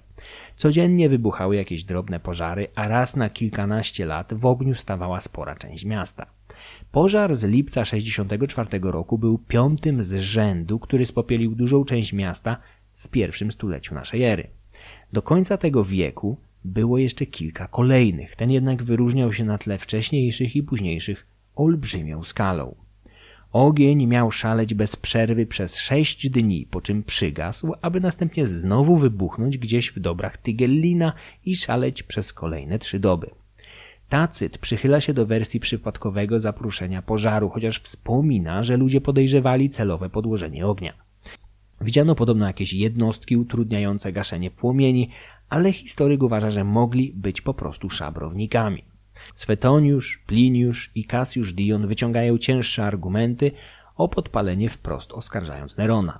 Józef Flaviusz, Juvenalis i Marcialis nie podzielają ich zarzutów. Olbrzymi pożar miał według źródeł strawić większą część miasta, ale nowsze badania podważają tę teorię. Według archeologów pożoga zajęła maksymalnie jedną piątą powierzchni miasta, co i tak było wielką tragedią. Z jednej strony spłonęła bowiem duża część centrum z wieloma budynkami reprezentacyjnymi, z drugiej zaś dzielnice biedoty gnieżdżącej się tuż pod Palatynem, Kapitolem, Eskwilinem. Neron, podobnie jak większość majętnych Rzymian, był w tych gorących letnich miesiącach poza miastem, w Ancjum. Na wiadomość o pożodze zareagował błyskawicznie i wkrótce osobiście pojawił się w stolicy, dowodząc akcją ratunkową. Była to postawa oczekiwana od każdego princepsa. Wcześniej akcjami ratunkowymi podczas pożarów osobiście dowodził Oktawian, a później Gajusz. Szybko rozprzestrzeniający się pożar próbowano powstrzymać głównie przez wyburzanie całych stojących na jego drodze dzielnic, co w końcu zdało egzamin i pozwoliło okiełznać katastrofę. Teorie zakładające podłożenie ognia przez ludzi Nerona prędko zaczęły kiełkować, ale nie wytrzymują one starcia z logiką. Pożar wybuchł jeden dzień po pełni księżyca. Noc była więc wyjątkowo jasna, co bardzo utrudniało podłożenie ognia bez jednoczesnego przyłapania na gorącym uczynku. Do tego sam cesarz poniósł duże straty materialne. Płomienie spopieliły dużą część palatynu, a także jego świeżo oddany do użytku pałac przejściowy, tzw. Tak domus transitoria, łączący wspomniane wzgórze z Eskwilinem. Prace wykończeniowe prowadzone pod nadzorem Nerona w domu Transitoria ukończono wielkim kosztem tuż przed wybuchem pożogi i naprawdę trudno wyobrazić sobie, aby cesarz od tak po prostu spalił swoje najcenniejsze nieruchomości. W obliczu tragedii, jaka dotknęła dużą część mieszkańców Rzymu, zwłaszcza tych najbiedniejszych, Neron nakazał natychmiast wpuścić pogorzelców do swoich pałaców, ogrodów i budynków użyteczności publicznej. Biedota zajęła jego ogrody na Watykanie oraz część budynków na Palatynie. Cesarz nakazał obniżyć ceny zboża szesnastokrotnie, aby zapobiec wybuchowi głodu. Jednocześnie, tuż po opanowaniu żywiołu, rozpoczęto prędką odbudowę miasta. W przeciwieństwie do poprzednich pożarów jednak, po raz pierwszy w historii postanowiono wznieść spalone dzielnice ze zgliszczy według planu, który miał w przyszłości zminimalizować ryzyko nieszczęścia o podobnej skali. Rozkazem Nerona wytyczono znacznie szersze ulice. Ustalono limit liczby pięter i wysokości budynków.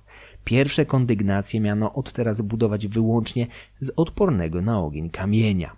Każda nieruchomość musiała być zaopatrzona w akcesoria do gaszenia pożaru, a przed budynkami cesarz z własnej kieszeni kazał wznieść portyki, które miały w przyszłości ułatwiać służbom oddelegowanym do walki z ogniem, tzw. Tak vigiles, zwalczanie żywiołu.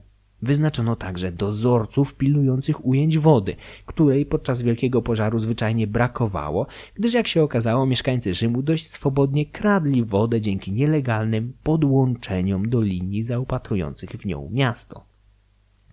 Dodatkowo wyznaczono nagrody dla tych właścicieli, którzy odbudują swoje nieruchomości najszybciej, ale zgodnie z nowymi przepisami. Zaopatrzenie i odgruzowanie miasta przebiegało wyjątkowo szybko, gdyż właścicieli statków, dowożących do Rzymu zaopatrzenie i budulec, zobowiązano do zabierania w drogę powrotną gruzów. Te zaś mieli wysypywać w Ostii, gdzie kontynuowano wznoszenie wielkiego portu zaopatrującego w przyszłości Rzym. Dzięki twardym zasadom narzuconym przez Nerona Rzym powstał z kolan szybko i stał się miastem znacznie piękniejszym i przede wszystkim bezpieczniejszym. Reakcja Nerona na kryzys była niemal wzorowa. Skoro tak, to skąd wzięły się historie łączące go z umyślnym podpaleniem stolicy? Cóż, Neron popełnił parę błędów. Jeden z nich, bardzo drobny, ale najbardziej brzemienny w skutkach, miał miejsce jeszcze podczas akcji ratunkowej. Cesarz miał wówczas obserwować olbrzymią łunę pożerającą jego stolicę i prawdopodobnie w tym momencie wyrecytował jakiś wiersz o płonącej Troi. Być może z własnego repertuaru. Jak wiemy, stworzył wcześniej własny poemat o upadku grodu Priama. Późniejsza tradycja widziała go grającego na harfie bądź lutni, ale to czy w tym momencie grał, śpiewał czy deklamował wiersz nie ma większego znaczenia. Dwieście lat wcześniej rzymski wódz Scypion Emilianus, patrząc na płonącą Kartaginę, również publicznie wyrecytował jakieś wersy z homeryckiej Iliady i nikt nie miał mu tego za złe. Neron był artystą, a sztuka towarzyszyła mu w każdym momencie życia, nawet w ostatnich godzinach śmierci. Co jakiś czas deklamował jakieś wersy z Homera. Pomimo wzorowo przeprowadzonej akcji ratunkowej wśród pogorzelców zaczęły przybierać na sile teorie łączące ludzi cesarza, szczególnie pretorianów, wyzwoleńców i niewolników, z podpaleniami. Zdając sobie sprawę z niemożliwości stłamszenia tych pomówień, za pomocą metod zdroworozsądkowych, Neron i jego ludzie podjęli decyzję o odparciu ich w inny sposób. postanowiono znaleźć kozła ofiarnego. Według Tacyta, cytuję, podstawił Neron winowajców i dotknął najbardziej wyszukanymi kaźniami tych, których znienawidzono dla ich sromot, a których gmin chrześcijanami nazywał.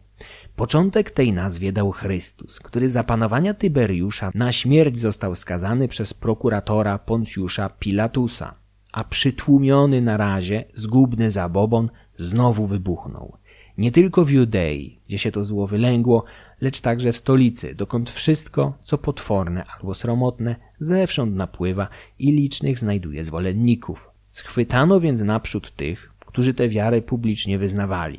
Potem, na podstawie ich zeznań, ogromne mnóstwo innych i udowodniono im nie tylko zbrodnie podpalenia, ile nienawiść ku rodzajowi ludzkiemu, a śmierci ich przydano to urągowisko, że okryci skórami dzikich zwierząt ginęli rozszarpywani przez psy albo przybici do krzyżów, albo przeznaczeni na pastwę płomieni i gdy zabrakło dnia, palili się służąc za nocne pochodnie.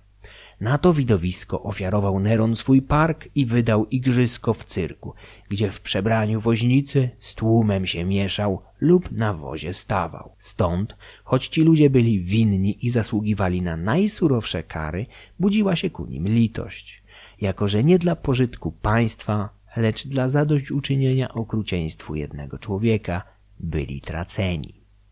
Koniec cytatu. Relacja Tacyta jest najdłuższą, jaka zachowała się z tamtych czasów.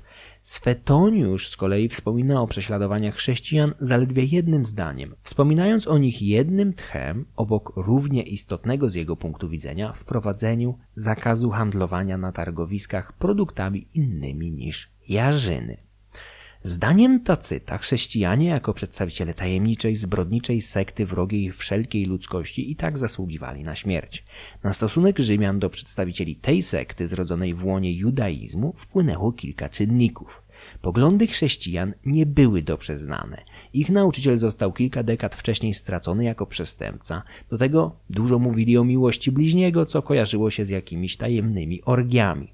Jakby tego było mało, ciągle wieszczyli nadciągający koniec świata i marność wszelkiej cywilizacji, co dla dumnych z osiągnięć swojego imperium Rzymian było delikatnie mówiąc drażniące. Chrześcijanie, podobnie jak Żydzi, z których łona wyszli, opierali się także państwowym kultom i nie oddawali czci bóstwom patronującym imperium. Wyobrażając sobie pierwszych wyznawców Chrystusa, powinniśmy wyrzucić z głowy cukierkowe, uduchowione postacie z dawnych hollywoodzkich superprodukcji, takich jak Ben Hur, Barabasz czy wreszcie Quo Vadis. Podobne podejście należy się powieści Henryka Sienkiewicza. Świetne jako lektura, ale niewiele warte, jeżeli mowa o prawdziwej historii. Większość bohaterów Quo Vadis Sienkiewicza ma jakieś oparcie w rzeczywistych postaciach przewijających się przez źródła, ale najbardziej wyrazistym przykładem niech będą dwie z nich. Pomponia Grecyna i Aulus Plaucius, dawni Rzymianie z krwi i kości, w Quo Vadis są opiekunami Ligi i chrześcijanami zarazem. W rzeczywistości Pomponia faktycznie była w pewnym momencie swojego życia posądzona o wyznawanie jakichś tajemniczych wschodnich kultów, ale nikt nie precyzował, czy było to chrześcijaństwo, mitraizm, kultizydy, kybele czy jeszcze coś innego. Dochodzenie w tej sprawie zlecono głowie rodziny, czyli jej mężowi, Aulusowi, który zdał następnie senatorom raport, a w nim podważał oskarżenia. Senat przyjął to do wiadomości, a do sprawy już nie wracano. Sienkiewicz zaś zrobił z tej dwójki bogobojnych chrześcijan i męczenników za wiarę. Zdaniem profesora Krawczuka, zgony apostołów Piotra i Pawła, łączonych często właśnie z tym prześladowaniem, również są mocno dyskusyjne. Nie mówiąc już o rzekomym grobowcu świętego Piotra, który pielgrzymi mogą do dzisiaj oglądać w podziemiach watykańskich. Nie wiemy, ilu chrześcijan zginęło w trakcie tych pierwszych poważnych prześladowań. Tacyt mówi o wielu, co można zapewne tłumaczyć jako maksymalnie kilkaset osób. Sienkiewiczowskie dziesiątki tysięcy ofiar ściąganych do stolicy z całej Italii są, delikatnie mówiąc, bzdurą. Wydaje się jednak, że okrucieństwo kaźni wzbudziło w widzach współczucie dla mordowanych. Sam fakt, że Neron, który nie znosił przelewu krwi i tortur, zezwolił na tak daleko posunięte barbarzyństwo, świadczy o pewnej desperacji, w jakiej się znalazł.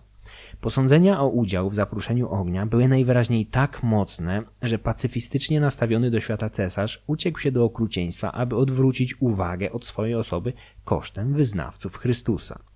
Pierwsi chrześcijanie byli zabijani głównie w cyrku i ogrodach Nerona na Watykanie. Ludzkie pochodnie nie były niczym wyjątkowym. Zgodnie z rzymskim prawem odwetu, jus talionis, była to standardowa kara wymierzana podpalaczom. Prześladowania nie miały miejsca w tzw. Tak koloseum, bowiem ta konstrukcja powstała dopiero pod rządami kolejnej dynastii Flawiuszy, kilkanaście lat po śmierci Nerona, na gruzach jego wielkiego kompleksu pałacowego.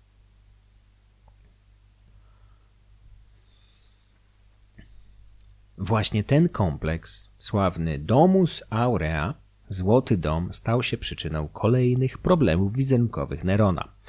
O ile Rzymianie byli w stanie zrozumieć konieczność budowy nowych, szerszych ulic czy domów z odpornego na ogień kamienia, o tyle skala, w jakiej Neron zamierzał odbudować swoją spaloną siedzibę, zaszokowała niemal wszystkich. Nigdy żaden władca, tak Rzymu jak Europy, nie wpadł na pomysł, aby przeznaczyć obszar sięgający być może nawet 150 hektarów w samym centrum swojej stolicy na potrzebę własnej rezydencji. Nowy kompleks pałacowy Nerona miał w zamyśle fundatora połączyć ze sobą dotychczasowe cesarskie posiadłości na Palatynie razem z tymi leżącymi na przeciwległym Esquilinie. Domus Aurea nigdy nie miał być jednym budynkiem. Był to cały kompleks mający powierzchnię porównywalną z tą, jaką obecnie ma ta część Krakowa, która mieściła się niegdyś w obrębie średniowiecznych murów obronnych. Naturalnie razem z Wawelem.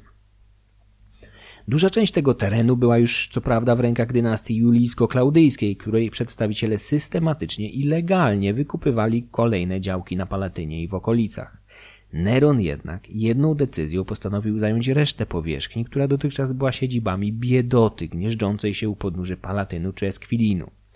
Poeta Marcialis wprost zawodził, że cesarz ograbił biedotę z jej domów, a zamiast nich postanowił wznieść jeden wielki dom, który w rzeczywistości zajmie wkrótce całe miasto. Na ścianach rzymskich domostw pojawiać się zaczęły złośliwe graffiti, nawołujące kwirytów, czyli Rzymian, do emigrowania do pobliskich wejów, chociaż jak pisał dalej sam autor, nie wiadomo czy ten wielki dom wkrótce i wejów też nie zajmie. Budowa kolosalnego kompleksu nie była sama w sobie bezmyślnym pomysłem. Już od kilku pokoleń kolejni cesarze stopniowo rozbudowywali swoje siedziby tak, aby zaczęły faktycznie odzwierciedlać ich pozycję jako panów znanego świata. Stopniowo zrywano z fałszywą, lecz wymuszoną skromnością Oktawiana, który nie odważył się wybudować sobie godnego pałacu, aby nie kłuć im w oczy współobywateli. Tyberiusz i Gajusz nie mieli już tyle skrupułów. Problem z kompleksem Nerona leżał nawet nie tyle w rozległości, ale w lokalizacji. Gdyby całość zbudowano poza miastem, tak jak na przykład miało to miejsce z Wersalem Ludwika XIV, pewnie mało kto by narzekał na te inwestycje. Poświęcenie jednak tak ogromnego terenu w samym sercu stolicy nie tylko wyrywało cenną ziemię z ręki dotychczasowych mieszkańców. Konstrukcja znacznie utrudniała komunikację oraz rozwój miasta w kierunku wschodnim i południowym. Serce Rzymu było dotychczas przewidziane jako swego rodzaju kulturalny skansen, wspólny dla wszystkich obywateli, którzy mogli do niego przyjść i uczestniczyć w uroczystościach lub zwyczajnym życiu codziennym na tutejszych forach otoczonych licznymi świątyniami i pomnikami dawnej świetności. Plan Nerona zaś zakładał wybudowanie olbrzymiej wiejskiej rezydencji w samym środku tej przestrzeni. Domus Aurea miał się bowiem składać nie tylko z pałacu cesarskiego i kilku świątyń, ale również wielkiego sztucznego stawu utworzonego w zagłębieniu terenu, gdzie później powstanie koloseum. Staw miały otaczać otwarte portyki o długości ponad kilometra, a pozostałą przestrzeń przeznaczono na zagajniki pełne zwierzyny tak dzikiej, jak i gospodarskiej. Neron mógłby wyjść ze swojego pięknego pałacu i po przebyciu kilkuset metrów, ciągle nie opuszczając własnej rezydencji, pooglądać sobie krowy pasące się na stokach Eskwilinu, czy sarny truchtające w jednym z licznych zagajników. W międzyczasie mógł sobie wstąpić do małej świątynki fortuny wykonanej w całości z przezroczystego kamienia importowanego z odległej Kappadocji, tak zwanego kamienia księżycowego. Potem mógłby, o ile miałby jeszcze na to ochotę, coś mnie wątpić, wstąpić do znacznie masywniejszego przybytku swojego ojczyma, Klaudiusza. Po drodze z pewnością mijałby swoją wielką 35-metrową podobiznę namalowaną na płótnie naciągniętym na wielkie drewniane rusztowanie, przedstawiającą go z atrybutami Apollina lub Heliosa. Niedaleko tego olbrzymiego płótna robotnicy pod czujnym okiem brązownika Zenodorosa odlewali już identyczny posąg Nerona o takich samych rozmiarach. Rzymianie nazwą go kolosem, choć nie wiemy, czy został ukończony jeszcze za życia Nerona. Kolos stanie w miejscu, gdzie dzisiaj dumnie wznoszą się ruiny amfiteatru Flawiuszów, zwanego Koloseum właśnie ze względu na bliskie sąsiedztwo 35-metrowego pomnika Nerona Heliosa, wyższego nawet od kolosa rodyjskiego, na którym był wzorowany. Wielki kolos stał tuż obok amfiteatru aż do końca starożytności. Runął prawdopodobnie gdzieś na początku średniowiecza, stając się ofiarą jednego z wielu trzęsień ziemi w tej części świata. Po obejrzeniu swoich monstrualnych podobizn, Neron mógł się odświeżyć w wielkim sztucznym stawie, wielkością przypominającym jezioro, a to i tak jeszcze nie wszystko, bo przecież miał jeszcze cały palatyn. Wnętrza domu z Aurea zapełniał Neron drogocennymi dziełami sztuki zwożonymi dla niego z całego imperium, głównie zaś z Hellady i Azji Mniejszej. Wiele z tych dzieł po prostu kradli dla Nerona jego wyzwoleńcy, specjalnie oddelegowani w tym celu na wschód. Posągi, obrazy i cenne naczynia wywożono nawet ze świątyń i wyroczni. Proceder nie był nowy. Rzymianie od setek lat okradali podbite prowincje, za Nerona jednak osiągnął on bardzo duże rozmiary.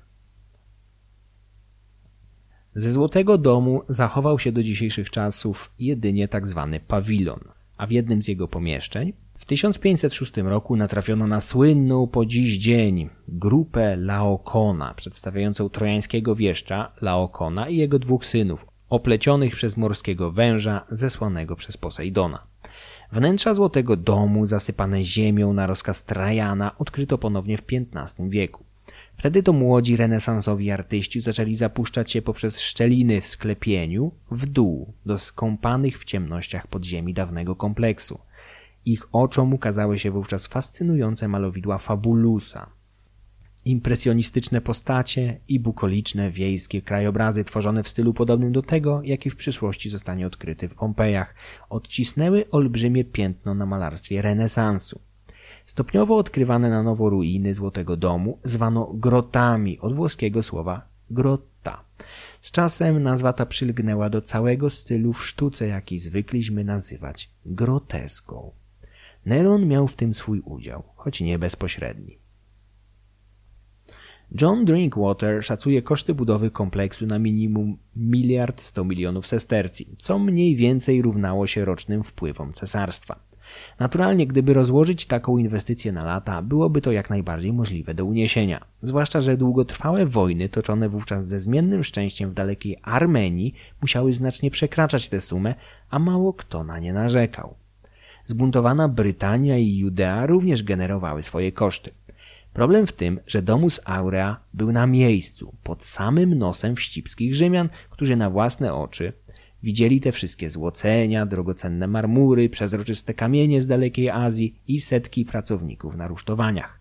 Co prawda skala inwestycji mogła być również zaplanowana jako sposób na zatrudnienie przynajmniej części z pogorzelców, aby tym samym uśmierzyć biedę w mieście, ale coraz więcej ludzi zadawało sobie pytanie, czy aby na pewno cała ta inwestycja jest w jakikolwiek sposób uzasadniona?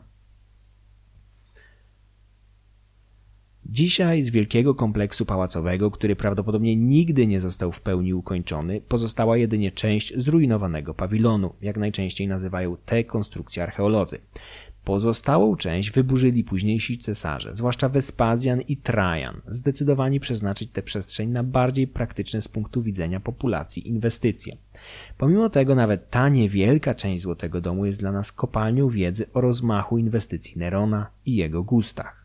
W udostępnionych do zwiedzania podziemiach ciągle zachowały się freski sporządzone przez surowego i dostojnego malarza, Fabulusa, który miał zawsze, nawet na rusztowaniu, pracować w swojej todze. Być może, aby dodać nieco powagi swojej profesji, niespecjalnie szanowanej przez ówczesne elity. Kompleks był dziełem dwóch wybitnych architektów, Severusa i Celera, którzy dzięki swojej błyskotliwości odcisnęli trwałe piętno na całej rzymskiej architekturze. Jeżeli kiedykolwiek będziecie zwiedzać podziemia Złotego Domu, które sam miałem okazję widzieć rok temu, to szczególną uwagę powinniście zwrócić na okrągłą salę oktagonalną, rozświetloną światłem wpadającym przez tak zwany okulus na jej sklepieniu. Ta sala, wykonana głównie z nowatorskiego wówczas materiału, jakim był beton, była pierwszym krokiem przecierającym szlak na drodze do stworzenia jeszcze bardziej spektakularnego panteonu kilka dekad później. Domus Aurea ze swoimi impresjonistycznymi freskami, oktagonalnymi salami czy obracającymi się wokół własnej osi komnatami jadalnymi był prawdziwym szczytem ówczesnej myśli technicznej. Neron uwielbiał gadżety, nowości i ciekawostki. Miał jednak bardzo dobry gust, gdyż nie sposób uwierzyć, że wielki gmach powstał bez jego nadzoru. Zatwardziały pacyfista, kompletnie niezainteresowany codzienną, poważną pracą, chciał podporządkować swoje panowanie tworzeniu sztuki i nieskrępowanej kreacji artystycznej zrywał z augustiańskim tradycjonalizmem przywiązanym do wzorów zaczerpniętych z klasycznej Grecji. Zamiast tego Nerona fascynował hellenistyczny wschód z jego oszałamiającym rozmachem. Był hojnym mecenasem sztuki nauk. Chętnie otaczał się najwybitniejszymi artystami swoich czasów, takimi jak architekci Severus i Celer, malarz Fabulus, poeta Lucan czy Terpnos, najwybitniejszy Kitarodos swoich czasów. Kitarodos to oczywiście muzyk grający na kitarze. Jerzy Ciechanowicz dostrzega właśnie w nieskrępowanym rozwoju sztuki i kultury największą zaletę rządów Nerona. Człowieka, który dla Tacyta był zdeprawowanym tyranem, dla chrześcijan stał się antychrystem, ale dla rzesz artystów był prawdziwie hojnym mecenasem. Pragnieniem Nerona było przeszczepienie na rzymski grunt helleńskiej sztuki i kultury. Przecierał pod tym względem szlaki. Kolejnym, równie zhellenizowanym cesarzem miał być dopiero Hadrian, pół wieku później. Filhellenizm cesarza drażnił jednak licznych przedstawicieli konserwatywnych elit, którzy jak Tacyt narzekali, że Neron wyżej ceni grecką rozwiązłość i zniewieściałość nad stare ojcowskie tradycje. Członkowie elit wyrażali wprost obawy, że promowanie atletyki i zawodów muzycznych skłoni młodzież do marnowania życia na rzeczy tak trywialne jak sport. Najbardziej niesprawiedliwie lekceważonym aspektem rządów Nerona jest właśnie chęć promowania bardziej humanitarnych rozrywek kosztem np. okrutnych walk gladiatorów. Niechęć do przemocy i bezsensownego rozlewu krwi dobrze odzwierciedla dramatyczna historia, jaka miała miejsce w Rzymie w 61 roku. Prefekt miasta Pedaniusz Secundus został wówczas zamordowany we własnym domu przez swojego niewolnika.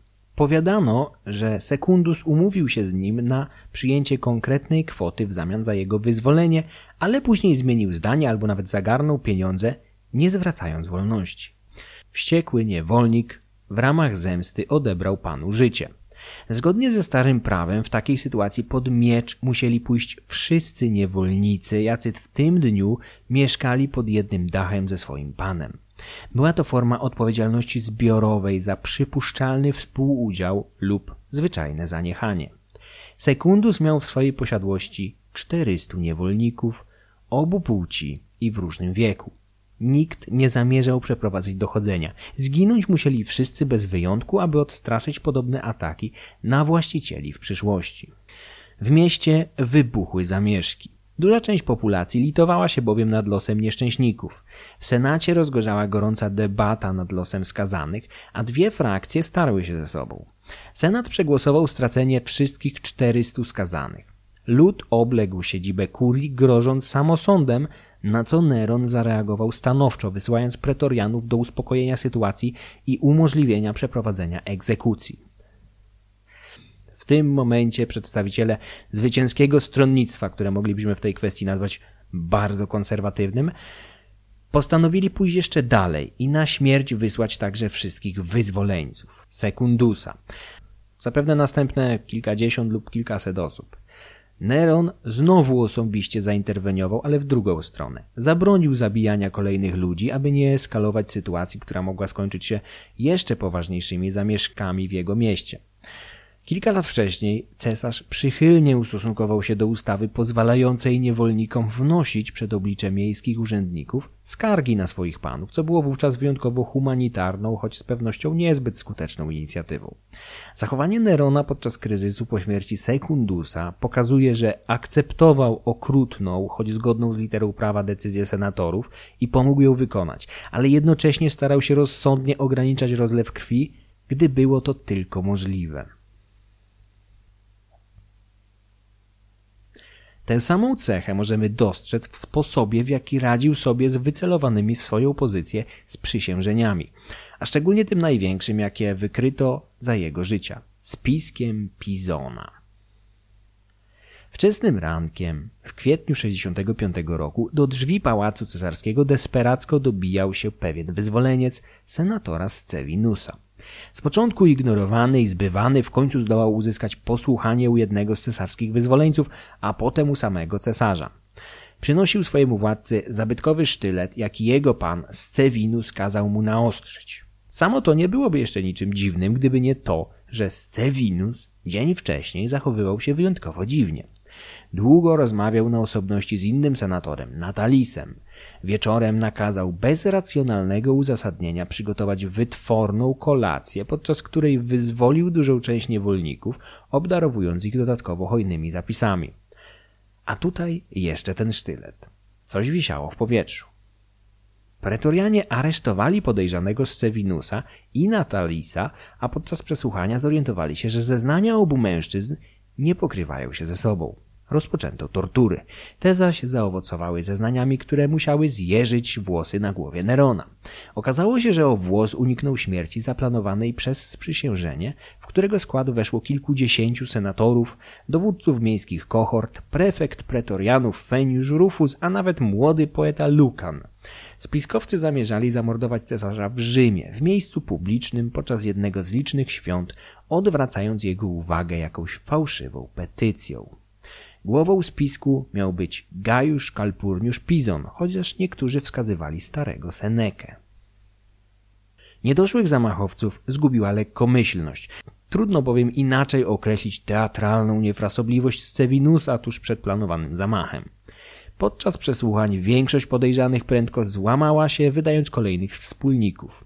Lukan dla ocalenia życia zadenuncjował nawet własną matkę, która swoją drogą zapewne była niewinna. Neron kazał zignorować to oskarżenie i zostawić kobietę w spokoju.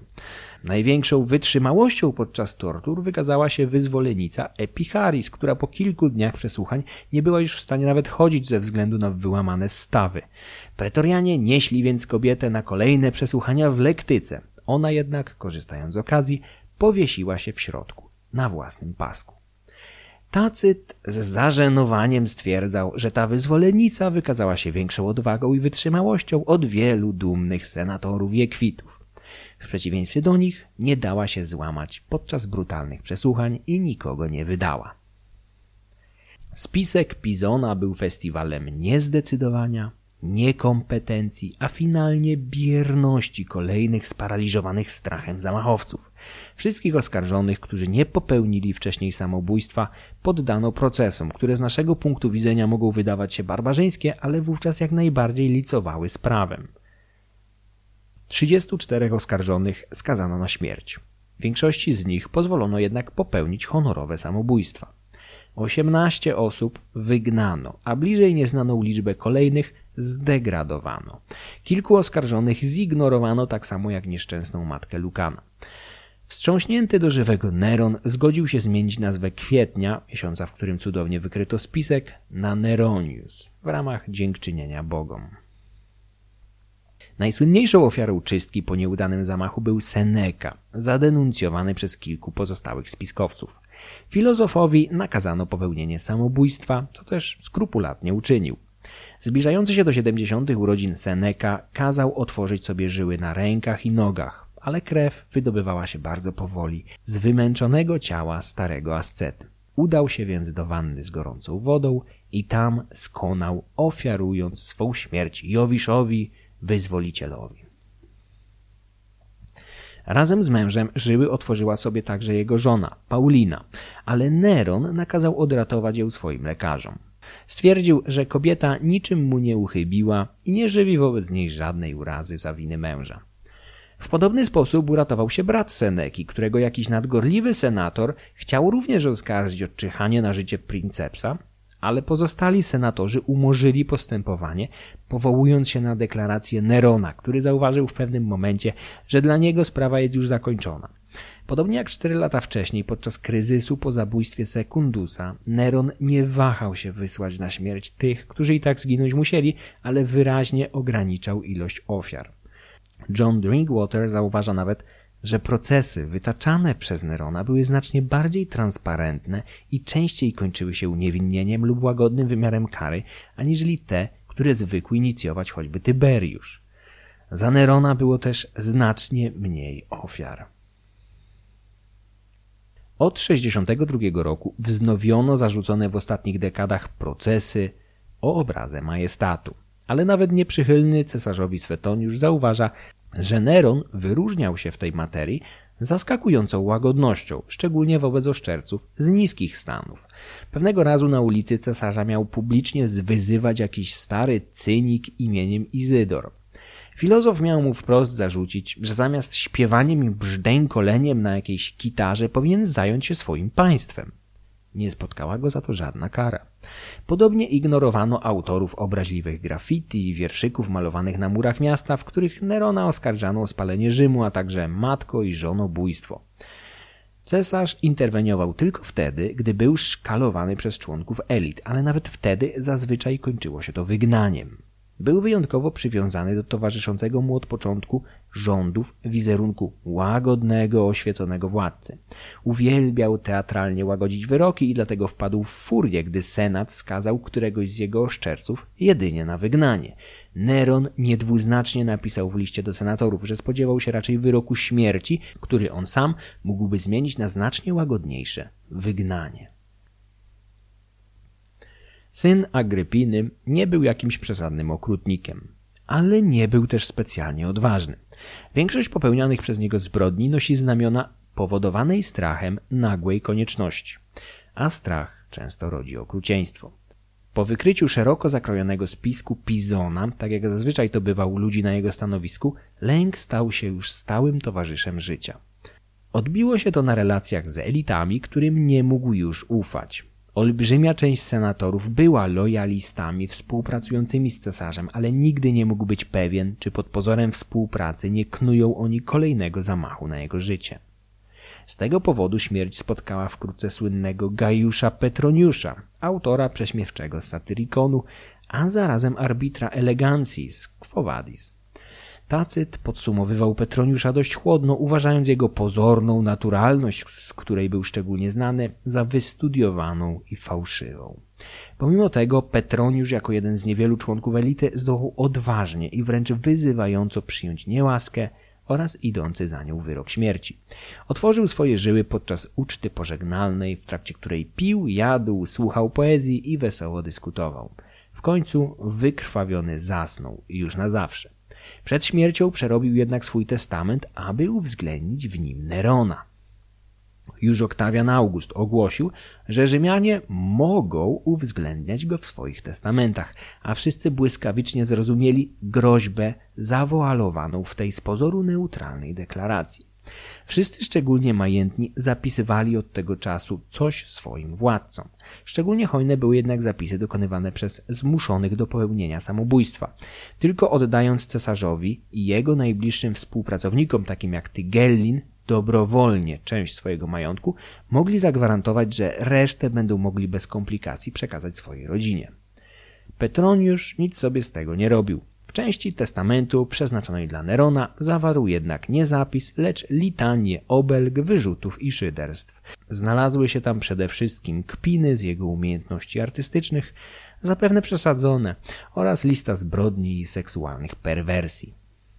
Atmosferę wzajemnej podejrzliwości, jaka zapanowała w Rzymie w końcowych latach panowania Nerona, najlepiej opisuje anegdota z wydarzenia, jakie miało miejsce tuż przed spiskiem Pizona. Młody Lukan miał wówczas wejść do jednej z publicznych latryn, w której potrzeby załatwiano siedząc tuż obok innych zagnanych koniecznością współobywateli. Gdy jeden z mężczyzn podczas zwracania długu naturze wydał szczególnie donośny dźwięk, Lukan dowcipnie zacytował wers z powszechnie znanej sztuki autorstwa samego cesarza. Rzekłbyś, że to pod ziemią zagrzmiało. Ponieważ fragment ten był bardzo popularny, wszyscy mężczyźni zgromadzeni w latrynie natychmiast struchleli i niemal jak jeden mąż czym prędzej opuścili przybytek, zostawiając w nim samotnego Lukana. Utalentowany poeta przez jakiś czas cieszył się bardzo bliską znajomością z niewiele odeń starszym cesarzem. Połączyła ich oczywiście pasja do poezji. Po jakimś czasie jednak ich relacja uległa ochłodzeniu, a Neron pewnym momencie zabronił Lukanowi publikowania jego nowych utworów. Tacyt uważał to za przejaw zazdrości wobec bardziej utalentowanego poety, ale znacznie prawdopodobniejsze jest inne wytłumaczenie tego ruchu. Lukan pozwalał sobie w swojej twórczości, a szczególnie w epopei o wojnie domowej między Cezarem a Pompejuszem, na ostrą krytykę tego pierwszego, a co za tym idzie całej idei pryncypatu pośrednio uderzając również w samego Nerona. Atmosfera w Rzymie drugiej połowy lat 60. bez wątpienia zgęstniała, ale trudno mówić o rządach terroru czy państwie policyjnym w naszym rozumieniu tych terminów. Wiele zgonów było efektem zwyczajnej w takich sytuacjach walki o utrzymanie władzy. Cesarz miał też prawo zwalczać spiskowców czyhających na jego życie. Prześladowania dotykały praktycznie wyłącznie członków najbogatszych elit, stanowiących mały procent, o ile nawet nie promil społeczeństwa. Tacyt, Cassius Dion i Swetoniusz wywodzili się z tej właśnie wąskiej elity, a ich relacje w stopniu nieproporcjonalnym skupiają się właśnie na perypetiach konfliktu Nerona i arystokratów. Prześladowaniom, w których zginąć mogło nawet kilkuset zapewne niewinnych chrześcijan, Tacyt poświęca kilkanaście zdań, a Swetoniusz zaledwie jedno. Natomiast losy w zdecydowanej większości winnych spiskowców, gromadzących się wokół Pizona, poznajemy w drobnych detalach ciągnących się przez całe strony. Reżim Nerona zabijał swoich przeciwników, ale nie robił tego na ślepo. Ofiary były wybierane precyzyjnie i praktycznie zawsze byli to ludzie stanowiący jakieś zagrożenie dla cesarza. Z czasem dopiero wśród ofiar mieli się też zacząć pojawiać ludzie wyjątkowo bogaci, których jedynym przewinieniem był znaczny majątek. Relacje z elitami nie wychodziły Neronowi najlepiej, co zresztą wcale nie wyróżniało go na tle jego poprzedników, za wyjątkiem Augusta oczywiście. Nie samymi elitami jednak imperium żyło. Co działo się wówczas w prowincjach albo na granicach cesarstwa? Ano działo się, działo. Neron był władcą niekryjącym swojego pacyfizmu i niechęci do wojaczki. Nigdy nie odwiedził żadnego ze swoich legionów, nie uczestniczył także w żadnej kampanii. W ogóle nie znosił dłuższych podróży i wiemy jedynie o jednej wyprawie, podczas której opuścił Italię. Mowa oczywiście o jego tournée po Helladzie na przełomie 66-67 roku, o którym wkrótce opowiem. Pomimo pokojowego nastawienia imperatora, cesarstwie i na jego granicach niejednokrotnie dochodził do głosu szczęk oręża. Panowanie Nerona nie zaowocowało wielkimi podbojami, nad czym ubolewał Tacyt. Imperium powiększyło się jednak o pewne tereny. Rzymianie anektowali zależne terytoria Alp Kotyjskich, Synopy nad Morzem Czarnym i okolic Damaszku w Syrii. Wszystkie one były wcześniej zarządzane przez podległych cesarstwu marionetkowych władców, więc aneksja nie wymagała podejmowania działań militarnych. Podobnie wcielono del terenu, co spotkało się jednak z pewnym oporem sąsiednich plemion germańskich pragnących użytkować te ziemię w celach rolniczych. Fryzowie wysłali nawet do Rzymu dwóch posłów proszących senat i cesarza o zezwolenie na kolonizację. W końcu im brakowało ziemi, a sami Rzymianie wykorzystywali tę cenną deltę jedynie sporadycznie i to wyłącznie do wypasu swoich koni. Rzymianie odmówili, ale Neron, urzeczony fryzami, nadał im w prezencie rzymskie obywatelstwo. Szczególnie oczarowało go zajście, jakie dwaj barbarzyńcy sprowokowali w jednym z teatrów. Fryzowie, jako goście z mało znaczącego plemienia, zostali posadzeni w odległych rzędach podczas jakiegoś spektaklu, którego i tak z racji bariery językowej nie rozumieli. Rozglądając się wśród widzów, spostrzegli członków jakichś obcych poselstw, zasiadających w pierwszych rzędach razem z senatorami. Urażeni wywyższeniem jakichś Armeńczyków czy Partów, ruszyli w kierunku pierwszych rzędów i rozpychając się łokciami, zajęli siedziska w rzędach senatorskich. Neron i pozostali Rzymianie oglądali rozpychających się w teatrze fryzów z rozbawieniem.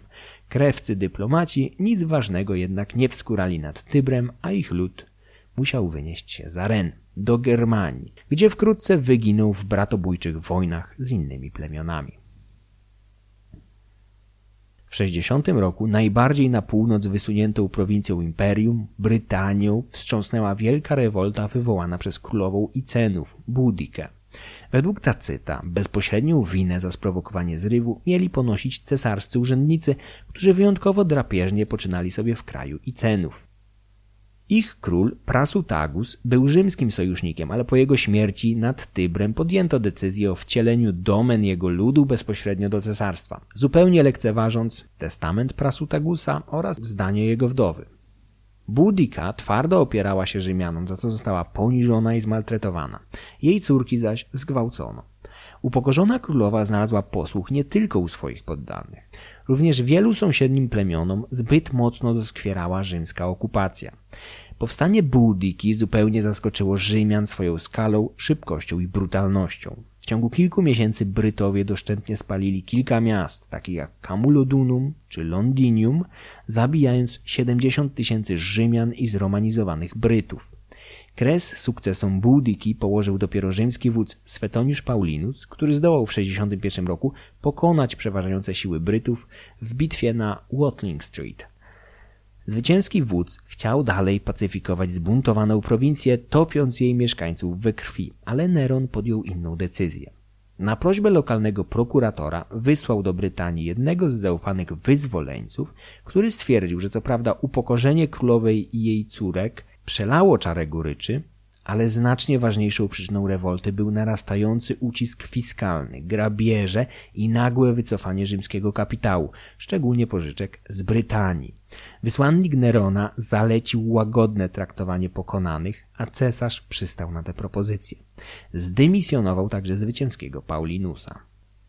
Imperium było systemem naczyń połączonych, a ucisk fiskalny w Brytanii wynikał w dużej mierze z powodu największego wyzwania militarnego, przed jakim stanęli Rzymianie za panowania Nerona.